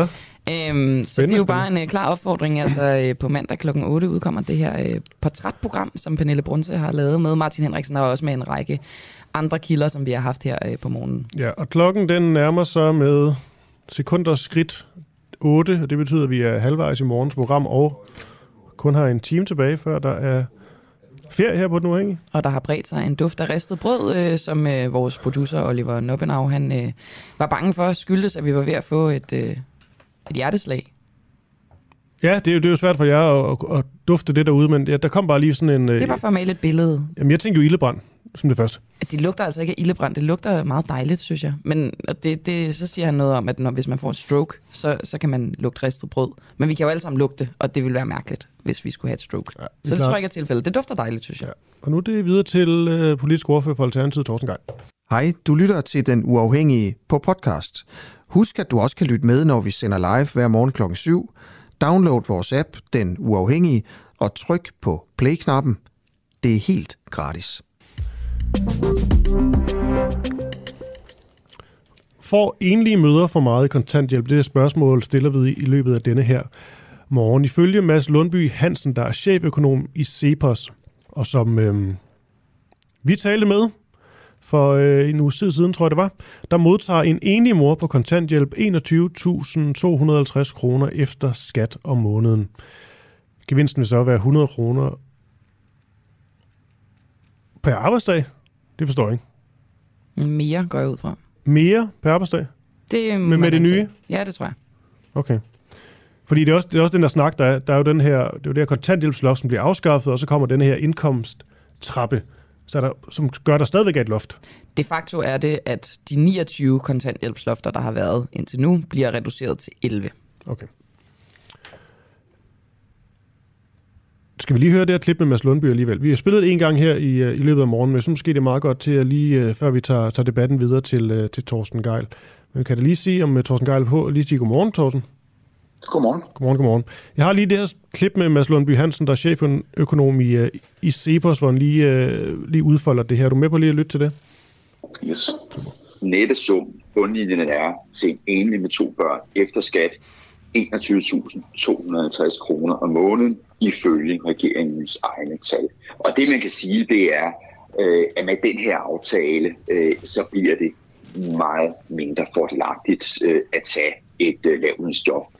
Det er sådan, at i dag der er gevinsten øh, øh, ved eller øh, under VLAG, der var gevinsten ved at tage lavlønsjob for den ene mor med to børn, cirka øh, knap 5.000 om måneden, og nu ligger man på cirka 2.000 om måneden. 2.000 om måneden, hvis der er 20 arbejdsdage på en måned, så er det cirka 100 kroner per arbejdsdag. Ja. Torsten Geil, øhm, synes du, det her, øh, det her beløb plus 21.000 øh, efter skat er, er mange penge? Nej, det synes jeg ikke for en, øh, en enlig mor med to børn. Formentlig øh, en enlig mor, som er syg, øh, og også har, også har udgifter til medicin osv. Mm. Hvad baserer du det, det på, at hun øh, formentlig er syg? Er der nogle tal, der viser, at øh, størstedelen er, er syge? Jamen, jeg kan ikke huske det præcise tal, der har det, det, det, det ændrer sig jo hele tiden, fordi mange kommer og arbejde nu. Men en stor del af dem, som har været ramt af kontanthjælpsloftet, er jo det, der hedder aktivitetsparate. Så det vil sige, de kan ikke tage et arbejde. Og det er jo fordi, at de, de, de har forskellige udfordringer, sygdomme osv. osv. Altså hvis du siger, at tallet ændrer sig, Thorsten Geil, men kan de så godt komme i arbejde, selvom de er syge, eller er det bare den sidste gruppe, du taler om, som alle sammen er syge? Jamen, det er den sidste gruppe, jeg taler om. Jeg tror, det var to tredjedele af kontanthjælpsmodtagerne på et tidspunkt, der var aktivitetsparate. Det var for et par år siden, men, men, men som sagt, dem, som ikke er syge, kommer jo i, i meget høj grad i arbejde, så, så forholdet mellem de to grupper ændrer sig jo hele tiden. Og øhm, det her er jo et tal efter skat, 21.250 kroner. Det er jo mere end visse øh, personer, de står tilbage med, efter de har betalt skat og har et 37 timers øh, arbejde. Er det så ud fra devisen om, at, at man må antage, at de fleste er syge, og derfor skal de have mere end øh, andre øh, almindeligt betalte jobs? Nej, men altså, øh, der er der stadigvæk, det kan stadigvæk, altså du får stadigvæk mere ud af arbejde. Øh, du får stadig flere penge ud af arbejde. Øh, så, så, så jeg Vel synes ikke du kan... i alle jobs? Jeg er en lytter, der skrev ind for eksempel, at det, det, det fik han ikke. Det var Altså ikke det, siger han du, man i, siger du, man i alle jobs får mere end 21.000 efter skat? Nej, men det kommer an på, om det er heltidsjobs eller det er heltidsjobs. Altså det, det, det er enormt svært at gå ind i den diskussion, fordi der er masser I alle hel, så lad os tage heltidsjobs. Får man i alle heltidsjobs over 21.000 efter skat? Altså det som, det, som jeg bygger på, det er, at generelt så får du par tusind kroner mere ud af at arbejde. Jeg skal ikke kunne, øh, kunne sige det helt præcist, øh, om der skulle være et, et, et heltidsjob, der er så dårligt betalt. Altså det, det kan jeg ikke sige, men generelt så er det i hvert fald et par tusind, du får mere ud af, hvis du, hvis du har et arbejde, når du er på kontanthjælp. Hvad, når, når, når, du kan, når du kan lave den generalisering, så går jeg ud fra, at øh, du bygger det på, på nogle tal eller et eller andet. Hvor kommer den generalisering fra, at man for, generelt får 1000 kroner mere? Et par tusind? I, hel, i heltidsjobs. Jamen, det er jo det, som vi har, det er jo det, som vi har, øh, vi har regnet på. Det er jo det, som, øh, som der har været fremme. Øh, det, som er svært, er, at, at der er jo stadigvæk 11 trin, så det, det er forskelligt, om det er en enlig mor, eller en enlig mor med et barn, eller en enlig mor med to børn, eller der er en masse forskellige takser, så er der fritidstillæg, så er der medicintillæg. Så det er meget, meget svært at gå ind og sige det fuldstændig præcist. Så det er, det er bare et, et, et, et, et overordnet tal, som, som, som vi har prøvet at, at konkludere ud som en slags gennemsnit. Men jeg forstår bare ikke, Thorsten Geil. Du sagde, at øh, det kan da godt være, at der er nogle enkelte jobs, hvor man får, får færre penge. Altså, jeg har ikke hørt om det. Altså, du har aldrig hørt om, at man, man, man går på arbejde, og så får man under 21.250 kroner efter skat? Jo, det, det, det, det, det, det, det kan man godt få, men i det øjeblik, at du er en person, som har to børn, som du skal, du skal øh, tage vare på, jamen så, hvis du, hvis du får en meget lav indkomst, altså, så er der ikke råd til hverken tøj eller, eller medicin eller noget som helst. Men nu talte du helt generelt om, øh, om øh, danskere på, på arbejdsmarkedet, og du fik det til at lyde som om, at øh, det var helt uhørt, at man fik øh, under det her beløb. Altså, jeg, synes, at jeg, jeg ved ikke helt, hvad det er, du fisker efter, men, men den generelle øh, hvad kan man sige, tendens, som vi udregner med, at der er 2.000, det er cirka 2.000 kroner, du har mere deromkring, øh, og som er det, vi, vi, vi, vi har diskuteret ud fra. Det synes jeg er fair nok. Jeg tror, vi fisker efter det her med en, øh, en fattigdomsgrænse, altså måske ikke lige konkret det, men om det her beløb, man taler jo incitament til at arbejde, og så er der selvfølgelig alle mulige andre argumenter, du bringer selv sygdom i spil her. Men det her med, at der findes øh, fuldtidsarbejder i Danmark, som er dårligere betalt end øh, den samlede øh, gevinst ved at være enlig mor med to børn på kontanthjælp. Er det fair? Altså, jeg synes, det her system er, er fair nok. Øh, Men hvad med hvis det, jeg er konkret lige spurgte om? hvis, hvis det er sådan, at det er sådan, som du siger, at der findes en, øh, en eller anden, som ikke har børn, som tjener mindre end det, så er det jo sådan, det er. Men hvis du spørger til, om jeg synes, den der struktur generelt er fair, som vi har lavet, så synes jeg, at den, den er fair. Og det som, det, som man jo hele tiden har snakket om, det er, hvorvidt der stadigvæk er incitament til at arbejde i det øjeblik, at du har omkring et par tusind mere om måneden. Det er jo det, som I har spurgt mig til. Det er jo det, som I, som, som, som jeg, som I har spurgt mig til i det her program. Mm-hmm. Og det synes jeg, det er. Og når det er sådan, at man... Øh, der, der var på et tidspunkt, så var der en del af kontantsmodtagerne, der fik et midlertidigt børnetilskud. Det vil sige, de fik lidt mere for at... Øh, de fik lidt, lidt flere penge mellem hænderne. Så spurgte man dem, jamen, tager I, at søger I, eller er I mindre tilbøjelige til at søge arbejde, fordi I har fået lidt flere penge? Det var der faktisk 6 procent, der sagde, ja, vi er mindre tilbøjelige til at søge arbejde, fordi vi har fået lidt flere penge. Så var der 12 procent, der sagde, at øh, vi er faktisk mere tilbøjelige til at søge arbejde, og resten de enten vidste ikke, eller, eller, eller var. Så det, det havde ikke nogen betydning. Og det var det, som, som jeg har spurgt mig ind til. Mm. Gå ved, om de der økonomiske incitamenter, de virker. Er der Og nogle her- målinger på den anden vej rundt, altså folk, som er i arbejde, som kunne øh, være tilbøjelige til at sige op og vælge kontanthjælpen? Er der lavet målinger på det? Ikke som jeg har hørt. Det er der sikkert, men jeg, jeg, jeg, jeg refererer til en VIVE-undersøgelse, der er helt ny, som øh, fortæller, at, som i hvert fald går fuldstændig imod den her, den her øh, antagelse om, at økonomisk incitament i sig selv er, er, øh, betyder noget i forhold til, hvor, hvordan folk søger jobs. Og noget, jeg tror, man glemmer, er også, at folk søger ikke kun arbejde for at, øh, at få flere penge. Folk søger også arbejde for at komme ind i et fællesskab, og for at have noget at stå op til, og komme hjem fra, og, og have en rytme i deres liv, og have en faglighed i deres liv. Så jeg synes, det der med, at, at, at hvor mange penge du får af det eneste incitament, den, den køber jeg simpelthen ikke. Okay. Jeg tror bare, det jeg hæftede ved i starten, øh, hvor du måske mente, at vi øh, tog debatten ud på et tidsspor, det var bare fordi, du ligesom lød helt overrasket over, der stille spørgsmål om, er der så danskere, der får færre penge, som går på arbejde? Og der tænker jeg bare, der var bare kæmpe stor forskel, eksempelvis på, på landdel og sovne og så videre, i hvad sådan en gennemsnitsløn er for, for, for os danskere. Så det, jeg, mit bud er da bare, der, der, der må der være mange, der tjener, tjener færre penge, mig selv inklusiv. Jamen, det, det skal undersøges. Det må I så finde ud af. Altså, så må I vende tilbage. Altså, jeg har ikke øh, lavet en undersøgelse lige præcis omkring det. Nej, nej, men, det, det, men du sagde det jo selv, så det kan jo godt være, at du vidste siden du sagde det. Jamen, jeg, jeg, jeg, jeg har en antagelse om, at i det øjeblik, du er, du er enlig mor med to børn, så er du nødt til at få dig et job, hvor, hvor, hvor der er penge til husleje og børnene osv. osv., osv. Og så vil du være tilbøjelig til at score op i den i, sin- i, i type job, hvor du, hvor, hvor du tjener det. Har det slet ikke været på tale øh, under forhandlingerne? Det her, det er jo noget, jeg har forhandlet om Alternativet med i det her forslag. Har det ikke været på tale, altså sammenligningen med fuldtidsjobs og, og lønnen for det? Og Jamen, så, hvad- øh, hvor- så de her beløb? Hvor er de ved hen med det?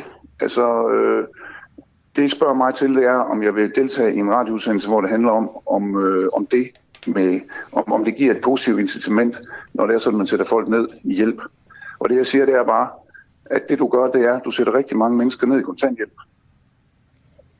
De er bare syge, så det vil sige, at rigtig mange af dem kan ikke reagere på det incitament. Det vil sige, at man forsøger at bruge det incitament som en slags medicin. Det er det, som, øh, det er det, som jeg har tænkt på oven, oven i den henvendelse, jeg har fået fra jer. Og det er det, jeg synes, der er interessant her i sagen. Det er, om, øh, om det virker det her. Og det siger, at det gør det ikke. Okay. Okay, her til sidst, uh, Thorsten Geil. Tror du så en... Uh, lad os sige, nu sagde du selv eksemplet med en, med en en- enlig uh, mor med, med, med to børn. Hvis nu siger, at den her person er kassedame i, i Netto, tror du så, at personen tjener mere end 21.250 kroner efter skat? Hvad har det med sagen at gøre? Fordi at du sagde, at uh, du startede med at sige, at folk tjente mere end det her, hvis man gik på arbejde. Altså, du kan godt blive med at hænge fast i den ting, og det er, noget, det er jo noget, I kan undersøge, så kan I vende tilbage til, hvordan, om der er nogen, der rammer en indsigt, at der er højere eller lavere end det. Det, jeg taler fra, det er, det, det er et øh, gennemsnitstal.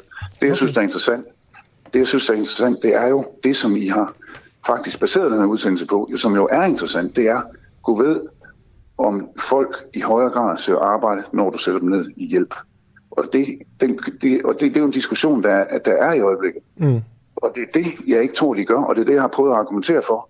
At øh, der er grupper, som er blevet sat op i hjælp, de har ikke, de har, de, de, de har stadigvæk søgt, søgt arbejde. Øh, plus, at øh, når, du, når du sætter syge mennesker ned i hjælp, så eneste sker er sådan set bare, at de ryger ud i social armod, og at de ikke, øh, ikke kan søge arbejde. Og det er jo den type generelle ting, der er interessante i, i, den her sammenhæng. Det er i hvert fald det, I har kontakt med for at snakke om. Okay. Hvad så... Altså, det er jo svært at sige. Men øh, hvis du lige får lov til at sådan komme med dit allerbedste bud til sidst på, øh, på, på løsningen på det her problem. Jamen løsningen på det her problem, jeg ved ikke, om, øh, om jeg synes, at der er. Altså nu har vi jo lavet den her lovgivning, som gudskelov har reduceret, øh, har, har reduceret antallet af, af trapper på kontanthjælpsloftet, og øh, lavet medicintilskud, og øh, et fritidstilskud og sådan noget. Og det, er- det er sådan set, og, og, og, og givet folk lidt mere i, i, i en lille smule flere penge, og skabt en lille smule mindre økonomisk ulighed i Danmark.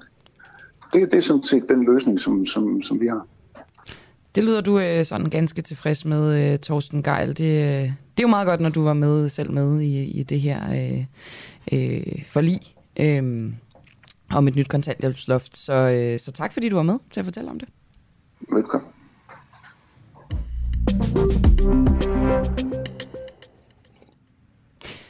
Nu skal vi tale om Ukraine. Der bliver jo længere og længere imellem snapsene på den front øh, sige. i vores dækning. Det kan man jo så tænke lidt over, men sådan må det vel også nødvendigvis være, når en krig den øh, desværre bliver længerevarende. Men øh, derfor er det jo stadig interessant her fire måneder senere at kigge lidt på nogle af de forudsigelser. Ikke sådan for at pege fingre, fordi det er jo, det er jo godt nok svære øh, vurderinger at lave, når, når der jo ikke sidder nogen herhjemme, som er inde i hovedet på Putin. Det er jo faktisk kun Putin selv, ikke engang hans rådgiver, for, for sådan rigtig lov til at, at give ham råd. I hvert fald, det jeg vil frem til, det er... Øh, Det ved, det ved du ikke. Om hans rådgiver er inde i hovedet på ham? Nej, om de Det kan til- man- det får lov- kan man jo ikke. Om de får lov til at give ham råd. Nå, det er jo bare det, man hører. Ja, det ved du ikke. Nej, nej. Vi ved ikke en skid. Nå, nå. Jamen, så fik du den. øhm, prøv at. Det vi skal tale om, det er, om, øh, om Ruslands her nærmer sig det totale sammenbrud i Ukraine. For det var netop en af de Jeg vil lige sige, forudsigelser. fordi det skuer godt nok i ørerne. Hvad, undskyld? Hvad? Nej, det er bare oplæg. Jeg ved godt, hvad du vil sige nu, Camilla, men jeg siger Ja. bare, bare når man lige hører det, det skuer i ørerne, fordi fortællingen er jo lige nu, at, øh, at russerne, i hvert fald visse dele af Ukraine, øh, rykker frem. Det kan godt være, at de ikke har fået alt, alt de vil, men der er jo ikke sådan, man taler ikke om kollaps lige nu i medierne. Nej, ikke lige frem. Jeg ved heller ikke, om de sådan decideret rykker fremad. Der er nogle kampe i hvert fald nede i, øh, i det østlige Ukraine. Det, prøv, vi kan godt sidde og, og kloge os på det her. Det skal vi ikke. Det er der en, der er meget bedre til. Han Ja. hedder Jakob øh, Korsbo, og grunden til, at vi har inviteret ham med i programmet, det er fordi, at han i starten af maj måned øh, kom med en analyse om, at de russiske styrker ville være kollapset inden for 4-8 uger.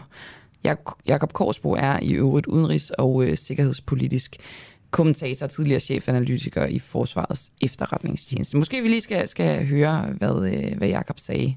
Ja, lige før vi spiller det klip, Camilla, så vi skal vel også spørge ham, selvfølgelig lidt flabet om, altså er han så bedre til det her, end vi er? Ja, det er selvfølgelig rigtigt. Nå, det håber vi. jeg da godt nok. Jeg prøver at høre. Vi har i hvert fald store, store øh, problemer.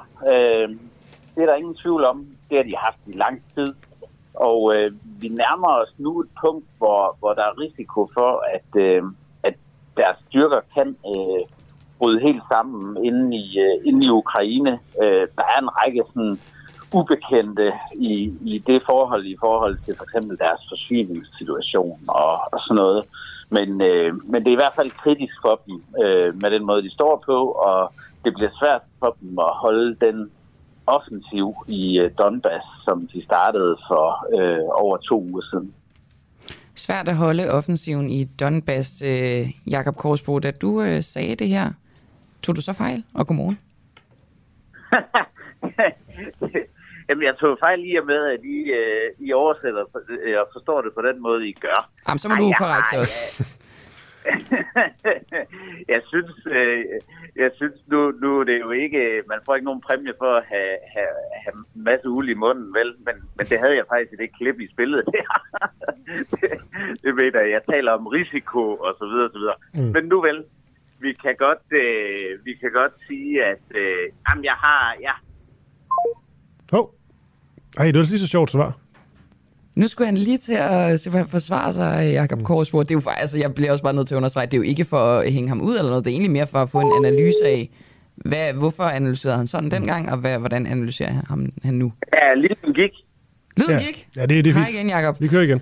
Øh, prøv, Det det, beklager. det, jeg Ja. sagde, var det heller ikke for at hænge dig ud eller noget, det er egentlig bare for at høre Jo, analysen må- dengang og, hænge, og så analysen nu, ikke? Ja, ja.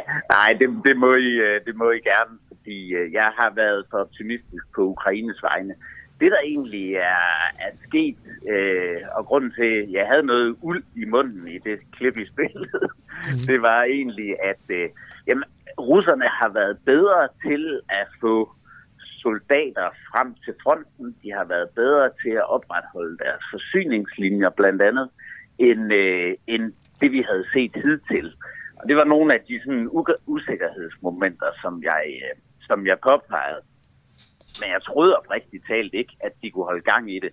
En anden grund var, at det, jeg havde set på slagmarken, når, man, når de ligesom siger, vi, vi skal lave en offensiv i, i, i Donbass og, og flytter alt deres, øh, alt deres øh, grej og, og deres soldater derhen, der havde vi jo faktisk set en periode på seks uger, hvor der havde været sådan øh, mere øh, lav, lavt blus på offensiven, og det er ikke sådan normalt noget, som vil, øh, vil være logisk, fordi du vil helst starte en offensiv med fuld kraft.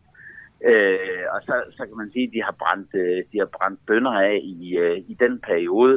Men så lige pludselig, så, så får de åbenbart øh, flere enheder i øh, stillingen, og, og så må vi jo bare sige, at artilleriangrebet, som de indledte, øh, det har været meget, meget voldsomt i, øh, hvad er det, en seks, seks uger nu, hvis jeg ikke tager helt fejl. Mm. Øh, men når det så, og, og de, har, de har også øh, lavet øh, nogle, øh, nogle fremrykninger.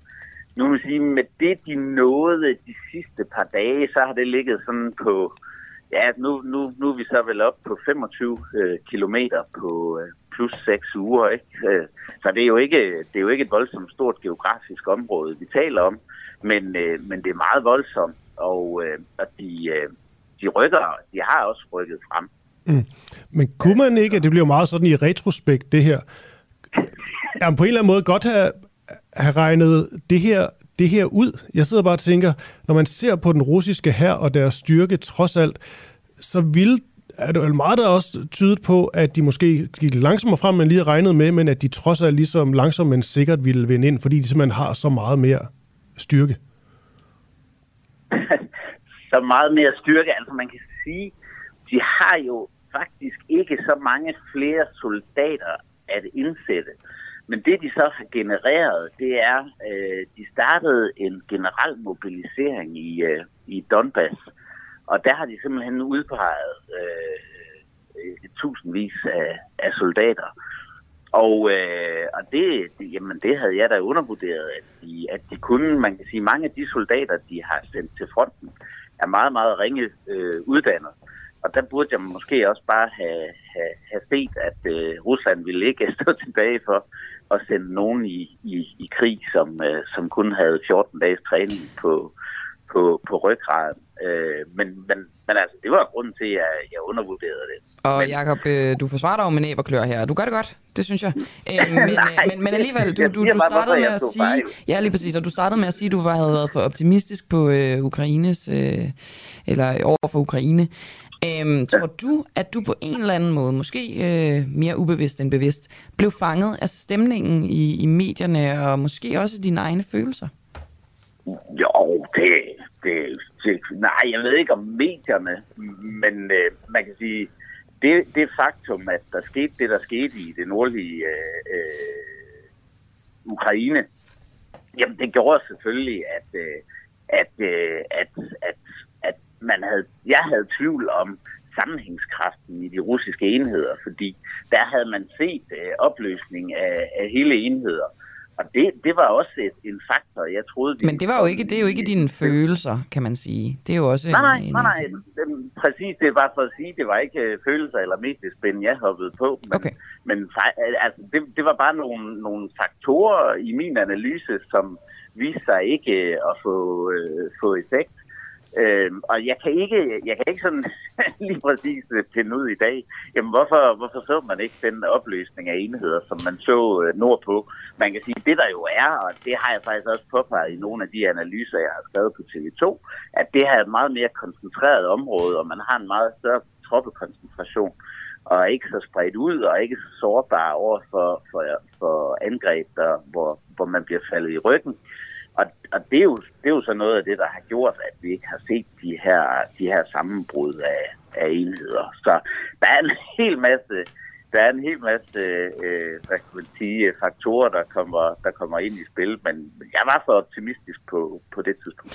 Jakob, øh, grunden til, at jeg ikke spørger dig om, øh, hvordan øh, det kommer til at se ud om en øh, måned eller nogle flere måneder, det er altså ikke jo fordi, det, at jeg øh, diskvalificerer dine analyser mere. Det er faktisk, fordi vi ikke har så meget mere tid. Men du var måske lige ved at spørge Jakob, Christoffer. Ej, jeg synes, det er for spændende. Også fordi jeg kan høre, Nå, du, okay. du, du vil gerne. Du vil have en form for øh, et, kom, et comeback. Og det er selvfølgelig, skal lige siges, det her det er jo krig, og det er seriøst, så vi skal ikke joke alt for meget med det. Men, men hvad er sådan din sådan, faglige vurdering af, hvad der kommer til at ske, lad os sige, de næste øh, lad os sige, otte uger?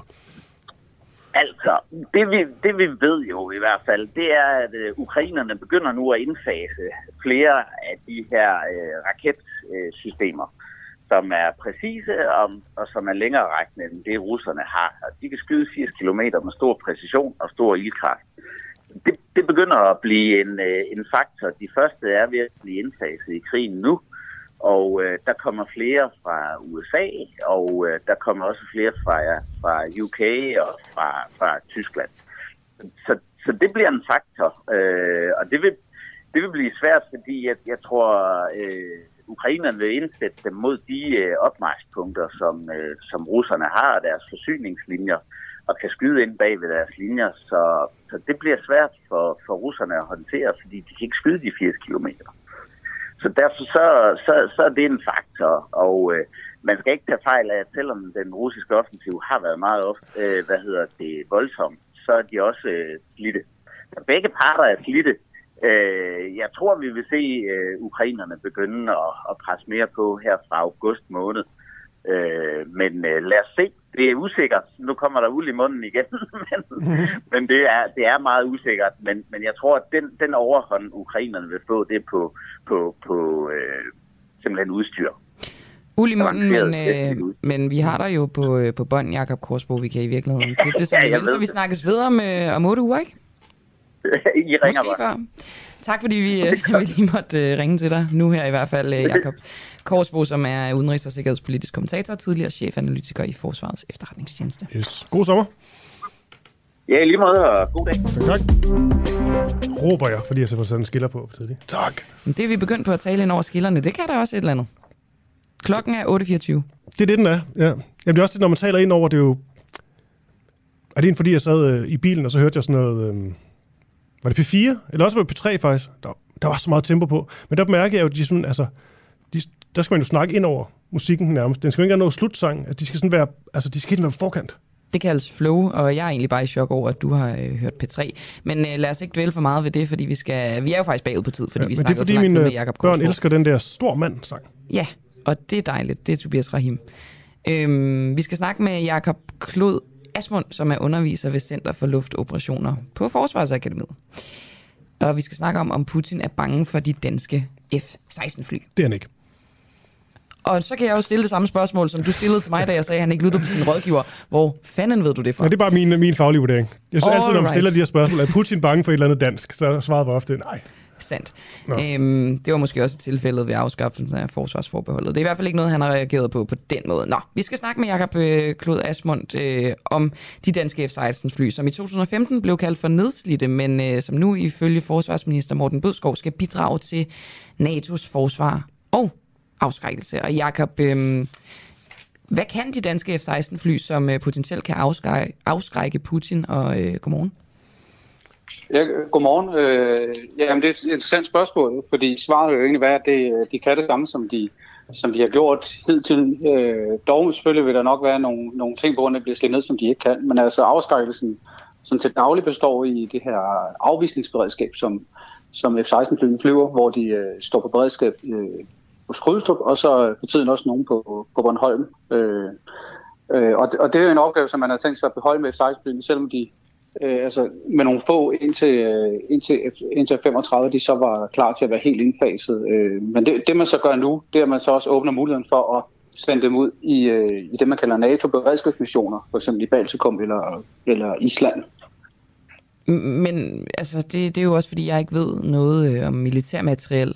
Et nedslidt fly, øh, ja. kan du ikke blive sådan konkret på, hvad man kan bruge dem til, øh, også selvom de er nedslidte? Eller Ja, om altså- de man vil reparere dem, eller øh, hvordan? Ja, det, ja okay. Det, så den vinkel er jo meget god. Det er jo, øh, det er jo ikke... Det, altså F-16-flyet er, et- er et meget moderne fly, et meget moderne kampfly, som er er blevet opdateret gennem tiden, og, og egentlig lever op til, til det, som, som man forventer kampfly, de skal kunne, i, både i missioner i Danmark og, og derude. Det, der er så slidt, det er så hele øh, F-16-flåden, den danske flåde, så, så det, det er at holde nok kampfly øh, kørende til, til at skulle gøre, opfylde alle de missioner, som Danmark øh, gerne vil og forpligter sig til overfor NATO. Det, det er kompliceret med den øh, stand, de har nu. Så kan man jo så vælge at sige, at vi skal kun bruge nogle færre. Så er det jo ligesom, hvis man har øh, fire gamle cykler og tænker, at jeg skal kun cykle på én, så kan man låne lidt fra de andre, og så på den måde holde, holde færre cykler kørende, sådan, så man så man kun øh, løser de helt essentielle opgaver, hvilket jo øh, for Danmark lige nu er, er forsvar af Danmark, og så, og så, så bidrage til NATO's kollektive forsvar og afskrækkelse af Rusland. Giver det mening for, for Danmark, altså nu skal vi ikke ind på noget politisk, men, men i forhold til vores øh, bidrag til forskellige øh, missioner, giver det mening at købe GISP flere F-16 fly? At købe flere F-16 fly? Ja. Øh, det, det er, altså det, det øh, som du selv siger, det kommer jo an på, hvad politikerne vil, hvor meget man vil. Øh, den, jeg, så den, den mest, øh, den mest kritiske ressource, jeg, jeg ser det nu i, i forhold til, til, til flyene, er, er ikke, altså i forhold til F-16-kapaciteten, er ikke selve flyene, men vil jo være, hvis når man begynder at modtage 35 her næste år, og de skal indfases, så vil det jo være personellet, altså piloter og, og teknikere, som skal, som skal reparere og klar mellem flyene. Og så køber nok? man fly, øh, der, altså der, er- der er jo dem, der er. Så hvis man skal, når man nu forvælger at, at, at forlænge F-16-flyene, så skal man jo også bruge flere af dem. Øh, og flyene har man jo. F-16 har man. F-35, de kommer lige om lidt. Øh, men personalet vil så være dem, man mangler, piloter og, og teknikere. Så, så, så, det vil, så, det, vil- så, det vil, så køber man så flere F-16, så vil man bare skulle uddanne endnu flere teknikere, fordi man så vil have endnu flere kampfly. Så, det, så set fra min side, så giver det ikke mening at skulle købe flere F-16-fly, men, men der kan jo være en eller anden... Øh, altså, jeg har ikke helt kendskab til præcis øh, alle de her 16, der står og skud, du må slidte de er og sådan noget. Mm. Så, der, så vi er helt ude, hvor øh, altså, på i hypotetiske overvejelser der.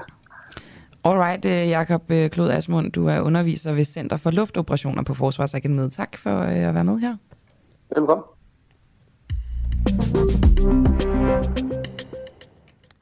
Lige en nyhed, der til igen her, Camilla. Supersygehus bliver mindst 300 millioner kroner dyrere. Det er et, det her nyt hospital Nordsjælland. Store priser på byggematerialer betyder, at det kommende supersygehus Nyt Hospital Nordsjælland, som jo ser meget, meget smukt ud, hva? Øh, bliver mindst 300 millioner kroner dyrere end planlagt. Det skriver Lisi Stationen. Altså, øh, jeg kan ikke, nu kan jeg virkelig ikke huske, hvad det var for et øh, interview, men Asger Juhl havde sådan et interview, hvor han øh, havde brug for at give eksempler på offentlige byggerier, der var blevet dyrere. Og han havde det ikke lige på stående fod. Og jeg kan bare huske, at jeg tænkte, jamen eksemplerne må være talrige. Øhm, der er jo den der bygning ved, øh, det der Niels Bohr bygning ved, ved Kue eller sådan noget, den er jo, den er jo gået over sådan, altså det er jo flere milliarder. og det, det sker jo bare mange gange. Og det sidder vi her og siger, så kan vi måske ikke komme med eksempler. Men nu gav du mig lige et duk frisk eksempel på et øh, offentligt byggeri, som er blevet en del dyrere. Ja, og jeg har lige en nyhed mere. Det er, at Danmark sender nyt hold soldater til Letland. Danmark vil fortsat hjælpe NATO med at afskrække potentielle trusler i den østlige del af Europa på grænsen til Rusland og sender til vinter et nyt hold på i alt ca. 7, ej, 800 soldater til øh, Letland. Soldaterne de bliver efter planen udsendt til november og 6 måneder frem. De afløser den nuværende danske kampbataljon, som er udstationeret i Letland. Det skriver Forsvarsministeriet i en pressemeddelelse. Ja, tak for det. Så er der også en, en, øh, en nyhed om, at især ældre bliver ramt af coronavirus. Det ved jeg ikke, om er så, så overraskende. Det er også det, man hører. Ja. Lige nu er det sær- særligt ældre, der bliver ramt. Ja. Min mor blandt andet. Men hun, Nå, er, blevet, hun, er, hun er rask nu. Hun skal på Tinderbox i Odense, så alt er godt. Okay, så må hun være meget rask. Øh, Uffe Elbæk også ramt. God bedring til dem begge to. Din mor er så up and running igen. Det er godt at høre. Vi skal tilbage til øh, kontanthjælpsloftet, øh, eller mangel på samme, altså fjernelsen af den, eller ja, det er teknikaliteter, men øh, at indkomsttrappen er blevet øh, med færre trin på, så at sige. Fra 29 til 11 trin.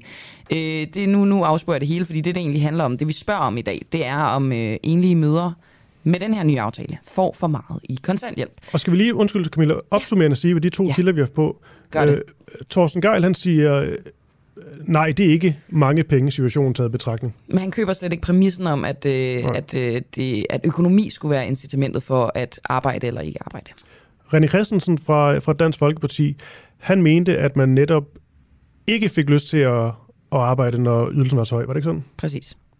Nu skal vi tale med Hans Andersen, som er beskæftigelsesordfører øh, i Venstre, som øh, ikke er med i den her aftale, altså Venstre. Øhm, og bare lige for at opsummere det. Ifølge Cepos, så modtager enlige mødre med de nye kontanthjælpsregler så meget i kontanthjælp, at det kan betale sig at lede efter et lavt lønnet job.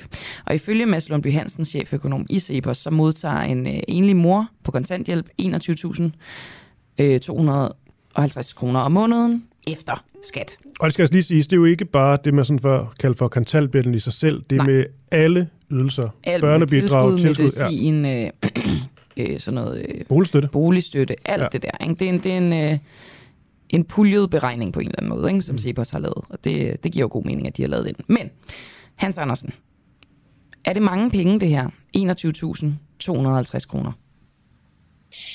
Ja, vi mener i hvert fald, det er øh, for mange at få, når man øh, er på en, øh, en overførselsindkomst, og den vel at mærke også er, er midlertidig. Så vi mener, at, at, at det, når, når regeringen og de røde partier nu fjerner øh, kontanthjælpsloftet og øh, jo sådan set hæver de sociale ydelser, og ikke mindst, altså især til, til arbejdsløse øh, indvandrerfamilier med rundt regnet øh, 2.000 kroner øh, ekstra skattefrit om måneden. Det er jo det, der sker øh, ved den her aftale. Der permanent gør man det børnetilskud, som nu har været i en periode. Øh, det gør man permanent, og så lægger man lidt oveni. Øhm, og, og det mener vi simpelthen er den forkerte vej at gå øh, i en situation, hvor det første er der sådan set brug for arbejdskraft. Altså, der er jo ledige stillinger, der kan besættes. Og for det andet, øh, så er vi sådan set optaget af, at både at børnene oplever, at mor og far går på arbejde. Det er sådan set det bedste, vi overhovedet kan gøre for at bryde den negative sociale arv. Og det er jo, øh, det lyder som øh, ren logik, det her i virkeligheden, ikke? Altså, I, ud fra devisen om, det skal kunne betale sig at arbejde. Men hvilke undersøgelser, Hans Andersen, peger på, at det giver øh, incitament til at arbejde, hvis man øh, lavner sociale ydelser? Ja, der var, øh, vi fik lavet en undersøgelse af kontanthjælpsloftet, øh, og der var vurderingen, at, at det gjorde en forskel. Og jeg medgiver, den var ikke stor, men den gjorde en forskel. Og så er det også spørgsmål om, altså fra venstre side er det jo også spørgsmål om, om rimelighed. Altså, øh, hvad skal man have i sociale ydelser, øh, sammenlignet med det, man kan få ved at tage et job? Og vi mener altså, der skal være en, øh, en mærkbar forskel. Så, så det er sådan set også øh, den tilgang, vi har til det. Og så er det jo ikke, altså nu nævner I råd, at det er Cepos, der har regnet øh, på det, og det har de helt sikkert til. Øh, rådsbeløbene ligger faktisk inde på Beskæftigelsesministeriets egen hjemmeside, hvor de netop siger, at nu øh, kan en enlig forsørger med, med to børn få 21.250 kroner i rådsbeløb. Og det er vel at mærke efter skat hver måned. Øhm, og det mener vi er et øh, for højt beløb. Ja. Hvor meget? Vi- prøver bare at være sådan lidt konkrete her, her til morgen, for vi stiller jo ja. det, det her spørgsmål. Vi forstår godt ligesom de overordnede ja. øh, pointer, hvad politikere ja. nu engang siger, men hvor meget er det for højt ifølge Venstre? Jamen, vi, vi mener ikke, man skulle have hævet, øh, altså lavet, indført det midlertidige øh, børnetilskud, som nu bliver et børnetillæg. Men tror du, det gør den store aftale. forskel da? Skulle man ikke, øh, hvis man virkelig ville ændre noget, at sætte den øh, markant ned? Nej, for vi mener også, der er, øh, altså vi mener også, at man skal jo øh, kunne forsørge øh, sig selv og sin familie i den periode, man er på kontanthjælp. Så der er jo, øh, så der skal også være, være en vis rimelighed i det. Øh, men vi mener, at, øh, at vi kom for højt op. Og, og jeg medgiver, det at være på kontanthjælp er øh, virkelig et spørgsmål om at prioritere benhårdt. Øh, det, det er der ingen tvivl om. Men vi mener, at vi kom for højt op. Incitamentet til at tage et, øh, et lavtlønsjob, det er simpelthen for lille. Altså de 2.000 kroner, man måske kan tjene nu ved at tage et øh, fuldtidsjob, altså 160 timer om ugen, Men, ja, eller om måneden, ikke? Til, til, til 2.000 kroner ekstra. Måske mm. det er det, man kan få i gevinst, ikke? Det er så 12,5 kroner i timen. Øh, det er simpelthen for lidt. okay, men nu blev den så sat op. Hvis det stod til jer, skulle den så have været sat ned, eller skulle den være holdt på det samme niveau? Ja, den skulle, det, det ekstra børnetilskud, det skulle, være, det skulle have været fjernet, altså de 2.000 kroner. Jamen, det er med på, men så skulle, med- skulle den have været sat ned, hvis det stod til, til jer? Øh, Det er i forhold til kontanthjælpen. Så mener vi sådan Mm. set, og vi gik også til valg på, at integrationsydelsen skulle have været sat øh, yderligere øh, ned med, med omkring 1.000 kroner. Hans Andersen, du siger, at I øh, vil gerne sætte det her beløb efter en vis rimelighed. Det er jo en, øh, en vurdering. Hvad baserer I den vurdering på? Hvad der er rimeligt, og hvad der ikke er rimeligt, rent beløbsmæssigt? Ja, vi har jo, vi har jo gået til valg på at sikre at sige, at der skal være en mærkbar gevinst ved at gå i arbejde. Og, øh, og den, nu, den er nu mm, halveret i, i den aftale, der er, er lavet øh, mellem regeringen og, og, og de røde partier. Altså, de har jo nu tilført 408 485 millioner kroner ekstra til kontanthjælpssystemet. Hans Andersen, Og- jeg tillader mener mig vi lige bare- at afbryde dig, Ja. fordi det var ikke rigtigt det, jeg spurgte om. Det var, hvordan I vurderer jo. den rimelighed. Nu siger du, hvad I gik til valg på, og hvad regeringen gør forkert. Ja, ja, men, hvordan, men, men jeg, jeg prøver hvordan, at komme frem til at sige, okay. at, at vi mener, at gevinsten skal være mar- markant større. Og det er sådan set en, en den vurdering, vi har haft. Men vi har i hvordan laver I den vurdering? Ja, det er vores tilgang til, at der skal være en mærkbar gevinst, og den er ikke god nok. Og vores vurdering er, vores vurdering er, at det med de 12 kroner, man kan få i ekstra, hvad skal man sige, i hænderne, ekstra per time, hvis man tager et arbejde, sammenlignet med kontanthjælpen, det er simpelthen ikke, det er ikke attraktivt nok. Og så er der jo ikke taget, så har du ikke taget med, at du skal jo sådan set også øh, nogle gange bevæge dig til dit arbejde, og du skal jo også øh, forhåbentlig, øh, vil du også melde dig ind i en A-kasse, når du får et job, og så er der jo endnu mindre øh, gevinst, og, og det er simpelthen ikke godt nok. Det er jeres tilgang, det er jeres vurdering i Venstre. Hvad baserer I den på? Ja, det er vores. Altså, så kan man lave forskellige analyser i Finansministeriet, og øh, Cepos har nok også lavet nogle gennem tiden. Hvad er incitamentet til at, øh, at tage et arbejde? Hvor meget, hvor, hvor meget, øh, altså, hvad er arbejdsudbuddet, hvis man gør sådan og sådan, ændrer på, på de sociale ydelser? Det er jo det, har Finansministeriet jo regnet på gennem, gennem tiderne. Og det er jo derfor, vi er nået frem til det kontanthjælpsloft, og hvad skal man sige, og definering af af definitionen af det. Og vores, da vi lavede aftalen i vores tid i regering, der sagde vi, at vi skulle maks kunne få øh, 80 procent i ydelse af en helt almindelig øh, overenskomstmæssig løn. Og, øh, og den, de 80 procent, den har regeringen jo så øh, nu hævet. Så nu gør man det mere attraktivt at være på, på en social ydelse, frem for at være i arbejde. Er i hvert fald vurderingen fra øh, dig, Hans Andersen, beskæftigelsesordfører for Venstre, og også fra resten af Venstre. Tak fordi du var med her. Så tak. Og god Hej. dag. Hej. Så Ja. fik vi da både lidt fra øh, altså Thorsten Geil, som er en del af aftalepartierne med Alternativet, og så fra to, der er i opposition til den her nye kontanthjælpslofts-aftale. Ja, så er klokken blevet øh, 8.40, og øh, nu skal vi til et indslag, som... Jeg ved, du har glædet dig. Det har jeg. Du kan slet ikke skjule det. Og klar til oplægget. Ja, det er jeg. Er Circus Summarum ikke rigtig cirkus? Yes. Men vi er altså øh, Anders Kronborg med fra Socialdemokratiet. Så det er ikke bare rent sjovt det her. Det finder ud af i hvert fald. Fordi ifølge Anders Kronberg, Kronborg, undskyld, så er DR Ramachans sommerbegivenhed Circus Summarum ikke rigtig cirkus. Det skriver han i et debatindlæg øh, på Berlinske. Anders Kronborg her, han er turismeordfører for Socialdemokratiet. Så nu skal vi altså ind på det her med, øh, med cirkus. Hvad er et rigtigt cirkus, og hvorfor i alverden går han op i det her? Jeg håber, det har en kobling til hans ordførerskab. Vi får se. Godmorgen, Anders. Godmorgen. Lad os lige starte med øh, definitionen af et, øh, et cirkus. Hvad er et rigtigt cirkus? Jamen et rigtigt cirkus i, øh, i min verden, det er et, øh, det er et cirkus med savsmul i manesien, verdensomspændende øh, artister. Et cirkus, der også tager rundt og ikke bare ligger fast øh, et sted. Øh, det er jo noget af det, jeg synes, der er fantastisk ved hele cirkuskulturen. Det er, at den faktisk kommer rundt i, øh, i hele landet. Også de steder, hvor kulturen mest øh, alt foregår i øh, en håndboldhal til øh, daglig. Det er der ikke noget galt i. Der sker meget kultur i en håndboldhal. Men cirkus, det er noget, man, man glæder sig til, kommer ud i de mindre samfund. Teltet bliver rejst. Øh, cirkusvognene kører ind på, øh, på pladsen. Børnene kommer sammen med deres øh, forældre om aftenen og ser en, øh, en forestilling, som er varieret. Både med øh, hestenummer, med den traditionelle cirkuskloven, med de her verdensomspændende artister. Det kan være linedansere, det kan være jonglører, det kan være trapezkunstnere. Og øh, det foregår i en, i en manege, altså modsat en scene, hvor manesien den er, den er rund.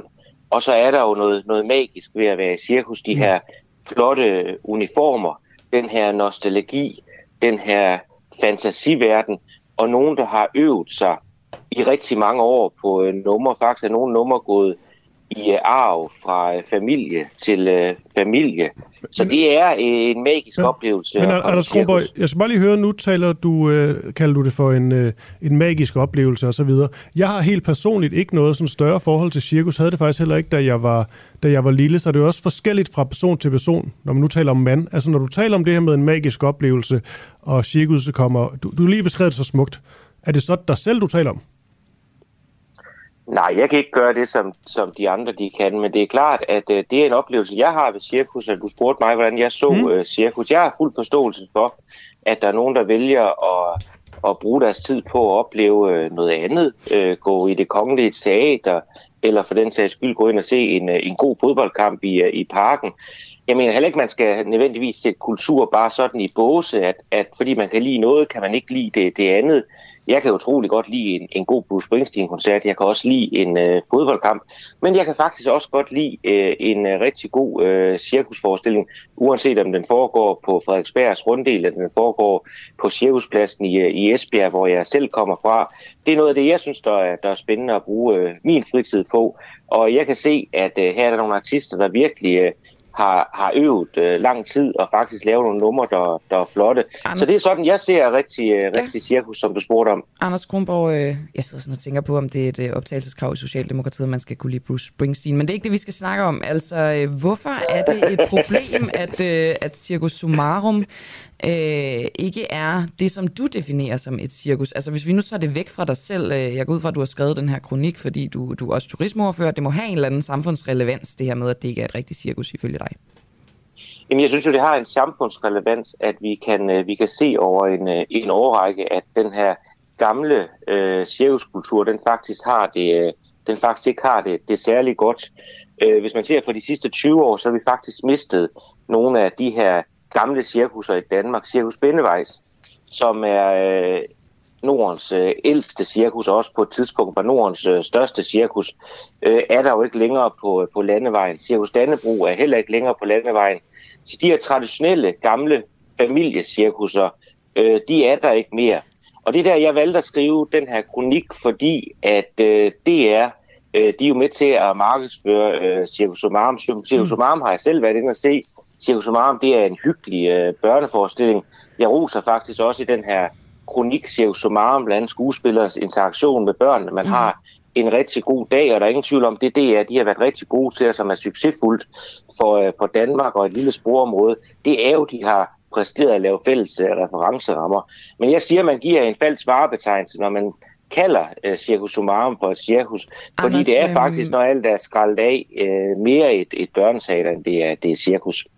Overholder du dit uh, armslængdeprincip, når du så specifikt går ud og uh, kritiserer en uh, DR-institution, som du gør her? Altså, jeg synes godt, man kan have holdninger til, uh, til kultur, og jeg, jeg synes sådan set også, at det, det er rimeligt at tage kulturen uh, til debat. Det synes jeg, det, det sker på mange andre uh, institutioner, uden man sådan tager på vej af, at det sker. For eksempel er der også politikere, der har en holdning til, hvor meget holdbær spilles der på det, det kongelige teater i forhold til, at man tager de her moderne musicals øh, ind på det kongelige teater, som man har gjort de senere år. Så jeg synes netop, at, at det, der er så fantastisk ved vores øh, kulturliv, det er jo også, at det skal, øh, det skal være til debat. Øh, jeg kunne aldrig finde på som politiker at diktere, øh, hvad der nødvendigvis øh, skulle være på, på sendefladen eller eller Men programmet. Kronborg, det er jo Men jeg synes faktisk... det er det, der er armslængdeprincippet. Undskyld, jeg afbryder. Altså nu øh, ytrer du som øh, en del af regeringen din holdning til et helt specifikt DR-program. Så opretholder du Nej, dit jeg, armslængdeprincip? Jeg, jeg, jeg giver faktisk ikke udelukkende kritikken af af DR-program. Jeg roser faktisk uh, DR Ramachan. Det, jeg siger, der er udfordringen, det er det, der sker uh, i forhold til, uh, til Circus Sumarum her i sommeren, hvor man, uh, hvor man rejser et sjælt bruger de her DR-figurer, kalder det, et, øh, kalder det et cirkus. Der er ikke noget galt i, i konkurrence, men vi ser jo de her andre traditionelle cirkus, som faktisk lever uden, øh, uden traditionel øh, statsstøtte, og så ser vi en skæv konkurrence ude i det her land. Og men det er derfor, det er jeg siger... betegnelse, så vil publikum vel opdage det, når de går ind og ser det? Jamen, jeg har heller ikke noget imod, hvad publikum de går, de går ind og ser. Jeg siger bare, at der er en kultur her, vi skal passe på, der er ved at, øh, der er ved at forsvinde. Og jeg synes sådan set, at, at, at, at cirkus det er noget, noget enestående. Jeg synes også, der er nogle definitioner.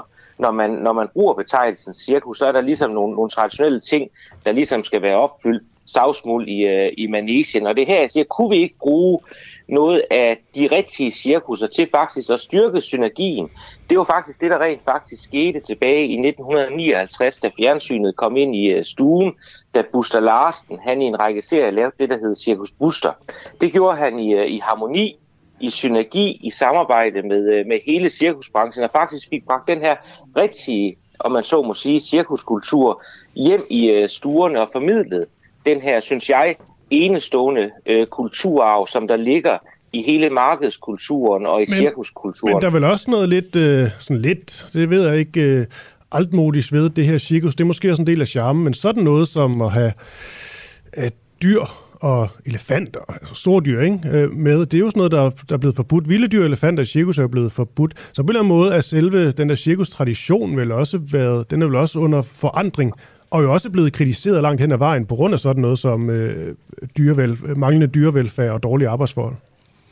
Jamen det er, der, det er der slet ingen tvivl om, at cirkus også har været under, under forandring. Der er også nogle, nogle byråkratiske regler, der er kommet til, som presser den her, den her branche, som jo altid har ønsket at være en, øh, en fri øh, branche. Det er sådan set også det, der, der er lidt fascinerende. Da cirkuspladsen på, på Bellahøj blev lavet, så var det jo en plads, der var blevet lavet til cirkus, og i dag så betaler man øh, pladsleje for at være der. Det er klart, der kommer flere regler med telte og så videre. Og så er jeg jo selv i den her, den her folketingsperiode været med til at få elefanterne øh, ud af cirkus. Øh, de her fire cirkuselefanter, hvor vi havde, hvor den mest kendte, det er nok Ramboline for Cirkus Trapez, der så i dag er kommet til dyreparken ned i, øh, men, i Knuttenborg. Men, så det er klart, der er nogle af de her Ja, fordi sådan noget som, øh, jeg tror da, da jeg var, jeg vil tænke sådan noget som, som cirkus, det er også det, man ofte ser i film og sådan noget.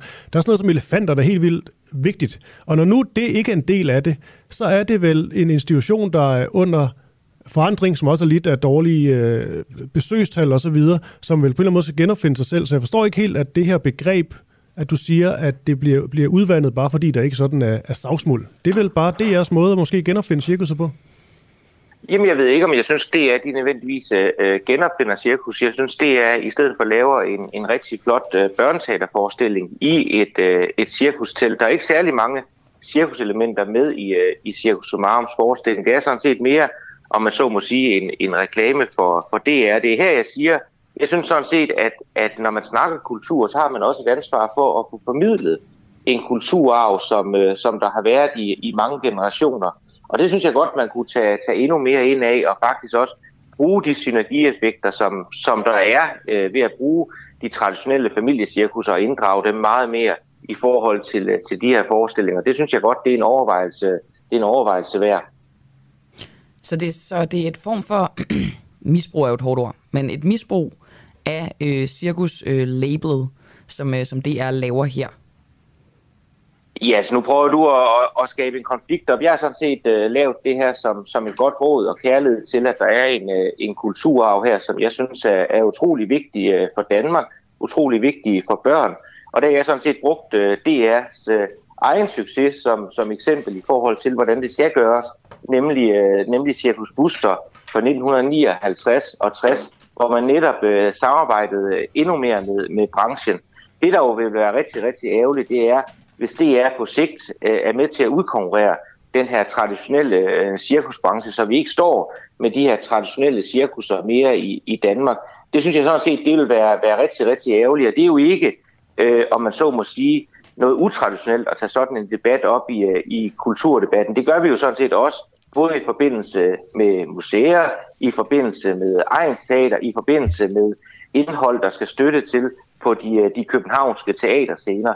Så det synes jeg sådan set, det er en helt legal og meget vigtig kulturdebat.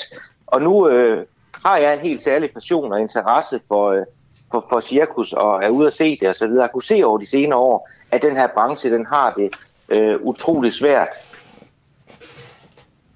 Undskyld? Er du her? Jamen, øh, ja. ja, ja, ja. Nå, du, du afsluttede bare ja. din pointe en lille smule bræt, det var derfor, det øh, kom lige lidt bag på mig. Men, øh, Nej, nu er, nu, er, nu, er jeg jo, nu er jeg jo vant til at blive afbrudt lidt undervejs, så jeg tænkte, nu må der snart komme et spørgsmål. Nu må der snart komme et spørgsmål. I min retning, Anders Kronborg, altså. Det, det er jo ikke noget at gå på sommerferie på, sådan en dårlig stemning, så, øh, så lad os da slutte med det her grin i stedet for. Jamen, tusind tak, øh, fordi jeg måtte være med. Det var det bare så lidt. Tak, ja. fordi du ville være med. Det er godt. God Selv sommer. tak. Ja, hej. Hej. En mand med en sag. Cirkus. Jeg var lige ude og, hente øh, vores, øh, vores gæster lige kom ind. Og så, hvad skete der til sidst?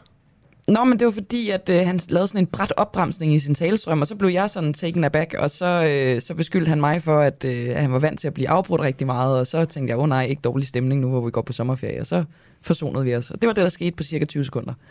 Ja. Han elsker cirkus. Ja, det gør han da. Det skal han da også bare have lov til. Jeg synes, øh, armslængdepointen dog, ikke for at rose min egen nej. spørgsmål, Men men, jeg- at det der også er en pointe. Men jeg elsker bare, at han hele hans første del, der, som vi også i tale sig til ham, altså det med, at han jo taler hele tiden i, i mand, når man taler om cirkus. Det var jo tydeligvis ham selv, der har nogle helt vilde barndomsminder, fordi alt det, han sagde, det kunne jeg slet ikke forholde mig til. Nej, og der, det er jo ærgerligt, at du er så kulturløs, at du ikke har været i cirkus. Ja, også... Ja, ja. Du skal ikke tale cirkus ned. Hvad med I to, I to øh, hoveder, kolleger? Har I, øh, har I noget godt forhold til cirkus? Ja. elsker cirkus. Christian nogensinde elsker i cirkus. Jo, det var lidt, men jeg har slet ikke noget sådan forhold til det, som, slet ikke som Kronborg i hvert fald. Det er jo som, det var, det var jo hele hans barndom, tydeligvis. Ja, ja, og det kan man jo også argumentere for er en del af den danske kulturarv. Det vil jeg da ikke afvise. Ja. Igen, hvis man skal ikke tale mand ud fra jeg. Kan vide, om han er helt vild med den der film, der hedder The Greatest Showman. Uh, med øh, jeg Hugh. Jackman. Ja. Jamen, den min er- erfaring er, at der er mange, der er, der er sådan lidt øh, bløde i bolden, der synes, det er en rigtig god film. Okay, det, det er jo... Det er jo det, er, det er, okay. I hvert fald Martin Jensen, øh, dommer i X-Factor, han var helt vild med den. Okay, det er også ved at være, være, være sommer. Vi, øh, Det vi kan har, man da høre. Vi har seks minutter tilbage af en uafhængig morgen, så tager vi her fra morgenprogrammet en lang pause, men der er jo programmer bag denne her betalingsmur i vores app, som man kan og skal høre selvfølgelig i løbet af sommeren. Øhm, der er sikkert også nogen på Flow. I ved meget mere om det, Christian Henriksen og Clara Vind. I har et af dem i hvert fald. Ja, og det er faktisk ikke bag betalingsmur. I dag skal vi optage. Uh. Ja, det er faktisk øh, noget, vi har snakket lidt om, at det skulle det ikke være, fordi alle skal have en chance for at komme med bag øh, kulisserne på borgen. Øh, og I dag skal vi optage vores første afsnit af Stoklund-syndromet med øh, politisk ordfører for S, øh, Rasmus Stoklund. Og kan I ikke lige uddybe, altså er det bare, I holder en mikrofon hen mod hans mund, og så er det bare Rasmus Stoklund? Ja, ja okay, Ja, super. så det ja, vi snakkes ikke? bare ved senere. Okay. Nej, det er det jo ikke, det er det jo ikke. Altså, vi har nogle forskellige sådan, præmisser. Vi har øh, altid mindst et kritisk spørgsmål med hver. Øh, og så er det jo også ligesom vores mulighed for at få svar på alle de ting, vi ikke får svar på sådan generelt i løbet af, af, af, af ugerne, hvor vi sender her. Men så er det jo også, og, og, det, er og det kan godt lyde pjattet og sådan noget, men, men det er faktisk, altså, det er også lidt et, et forsøg i, om man kan få lige så meget vigtig information ud, uden at det hele tiden skal være sådan noget pistolhold, pistolholder Ja, kritiske ja, altså den, øh, den forsonlige stemning. Ja, præcis. Og, og det er jo også, altså jeg vil sige, øh, det der med, vi har snakket meget om, hvilke retningslinjer skal der være for sådan et program, fordi det skal jo ikke bare være ren øh, mikrofonholderi, men det er jo også interessant at snakke med nogen, der er så tæt på magten, altså politisk ordfører for S, og, og finde ud af, hvad der sker inde på borgen, altså hvem, hvad snakker man om, kigger man dårligt på hinanden nede i kantinen efter en debat, og hvem er Rasmus Stoklund egentlig, fordi det kræver sgu også meget af en person at have været integrationsordfører, og så blive politisk ordfører. Altså, jeg gad da godt lidt finde ud af nogle ting om ham også. Og det er også en mand, som øh, altså retorisk set ikke er bange for at tage blad for mund. Det er jo det, og det er jo også det, er det der er interessant, og, det, og han er også dygtig politisk, øh, sådan, øh, analytisk, og det tror jeg egentlig også bliver meget interessant at sidde og tage både op, hvad der er sket med Socialdemokratiet igennem ugen, men også med andre øh, politiske spørgsmål. Og for eksempel nu har vi jo jagtet det her med øh, børnesexdukker. Det glæder jeg mig til at snakke med ham om i dag, fordi det har jo været svært at få fat i nogle politikere om det, så det glæder jeg mig da til, at jeg skal, jeg skal være en del af det. Så det bliver faktisk, når vi skal sidde og spise lidt frokost med ham, og, øh, og så snakke om nogle af de her ting, og så have nogle gæster med ind også på et mm. tidspunkt. Ja, det er rigtigt. Altså, han snakkede jo også selv om øh, sådan en som Signe Stampe. Hun vil overhovedet ikke kigge ham i øjnene, når de går forbi hinanden på, øh, på gangene, og hun har også udtalt i et interview, der tit det der med, hvem man gerne vil drikke en øl med. Der har hun så sagt, at hun i hvert fald ikke vil drikke en øl med. Det er Rasmus Stocklund. Så prøv at se, om vi kan invitere hende ind og få dem forsonet. Og vi snakkede også, vi var inde og have sådan en lille møde, og sådan noget, hvor han snakkede om det der med, at han, han synes, det var helt vildt hårdt at være udlændingeordfører, og så kom vi til at snakke om, jamen, har du overleveret alle de erfaringer og bekymringer, du havde omkring det til Kasper Sankær, der nu er udlændingeordfører. Det havde han ikke. Kasper Sankær er jo ung. Ung, ja. Så, øh, så det var også en mulighed at hive ham ind, og så øh, ligesom være fluen på væggen er til den overlevering. Er I tro... Okay, det lyder rigtig spændende. Men det med, at... Nej, nej, nej, det var I... Altså, husker jeg også, at I skal heller ikke blive for gode venner med ham. Jeg synes bare, det lyder næsten lidt for hyggeligt, og lidt for meget sådan den gode samtale. Altså, han er jo for fanden også en magthaver. Jamen, det er jo derfor, vi skal snakke med ham. Det er jo netop, fordi han er magthaver og kan give os svar på nogle af de spørgsmål, vi ikke kan få svar på normalt. Men det er jo også, det er ikke fordi, vi har en bestemt journalistisk retningslinje for det. Altså, jeg tror egentlig ikke, man gør så særlig meget i sådan nogle her programmer, hvor man kommer ind på borgen og sidder som medie med en politisk ordfører. Det skal jo ikke være ligesom Mette Frederiksens podcast, men det skal heller ikke være sådan, at det er en halv times kritisk snak over noget smørbrød. Det skal jo også være samtale, samtidig med, at vi så prøver nogle gange at få svar på nogle andre ting. Men det er jo klart, det, det kommer også til at være en samtale om, hvad der sker bag ved kulisserne. Mm. Jeg synes, det er meget fedt at tage en anderledes sving. Jeg tænker da bare, at vi skal da bare være vagthund på vagthunden. Altså, hvis det bliver for hyggeligt. Ja, altså, jeg glæder Ja, mig det til er at faktisk en god idé. I Jeg kan glæder godt mig til at- evaluere ja. os Ja, det er det. øh, løbende. Ej, det er slet ikke det. Det er bare... Øh, Nej, men oprigtigt talt. Sådan en... En mand som ham kan jo også bare... Øh, også med den titel, han har, bare være rigtig god til at svare udenom, fordi han skal. Men Christian og Clara er vel også dygtige til at holde ham i skak. Jamen, det kan også være, at det der med smørbrød og hygge egentlig gør, at de netop kan... Det er det der er testen. Kom og længere så er det jo også, når man laver en test, altså det kan jo, øh, det kan jo lykkes, og det kan gå galt. Og, og vi skal nok fortælle her- jer, hvis det går galt. Ja, og vi laver jo ikke kun et program. Altså vi laver jo, lige nu har vi i hvert fald aftalt fem programmer. Så hvis vi erfarer, at det første program, okay, det blev sgu for hyggeligt, så tager vi det med videre til næste program. Det er det. Altså, øh, ja. Skal, skal I ikke holde sommerferie? Skal Rasmus Stoklund ikke holde sommerferie? Sidder han bare inde på borgen? Han skal til Alanya. ja. Ej, det skal han Nej, ikke. det skal ved han vi ikke. Det. Det var sjovt. No, han, han går på ferie, så vi, vi, nu har vi et program i dag, og så øh, går vi i gang igen i august. Okay. I dag er sådan en slags dummy. Okay, og vi er også ved at være, være færdige nu. Ah, men altså. Nu bliver Så- jeg næsten helt trist, selvom jeg har glædet mig til sommerferie. Så øh, en uafhængig morgen øh, lukker og slukker for, en, for sommer. Røn. Vi er tilbage 8. august først. Ja. Så er der så nye programmer, der bliver sat i søen. Altså, jeg kommer faktisk også med et program sammen med økonom Lars Christensen. Ja, har det fået et navn? Ja, det har det. Du skal lige sælge lidt bedre. Kom, op Camilla og Pengedoktoren. Ja. Det er fordi, jeg stadig er sådan, Nå, men prøv at se, I ser jo ikke glade ud for det navn. Kan lytterne ikke sige, hvad det skal hedde? Jo, altså for det første skal det hedde noget med Boraki, fordi det er jo det navn, man kender dig for. Nå. Det kan jo ikke mene hedde Camilla. Så skal det hedde Boraki Camilla kan jo være alle. Lars han forklarer faktisk, hvorfor at, øh, han har titlen Pengedoktor i første program. Og det er faktisk ikke så dumt en historie, så måske øh, Boraki og Boraki og noget andet med B. Altså hvis nu handler Ja. om bitcoins, Boraki er bitcoins. Eller Altså Boraki alle, alle kan hedde Camilla. Boraki, det er jo ligesom, det er jo din, ikke? Det er kun min familie, der hedder Boraki her i landet. Kan I ikke lige hurtigt sige, at vi skal lave sommerferien? Åh, oh, jeg skal... Christoffer, han skal se Alanya. Jeg, jeg, jeg har købt en masse bøger, jeg skal ligge ned.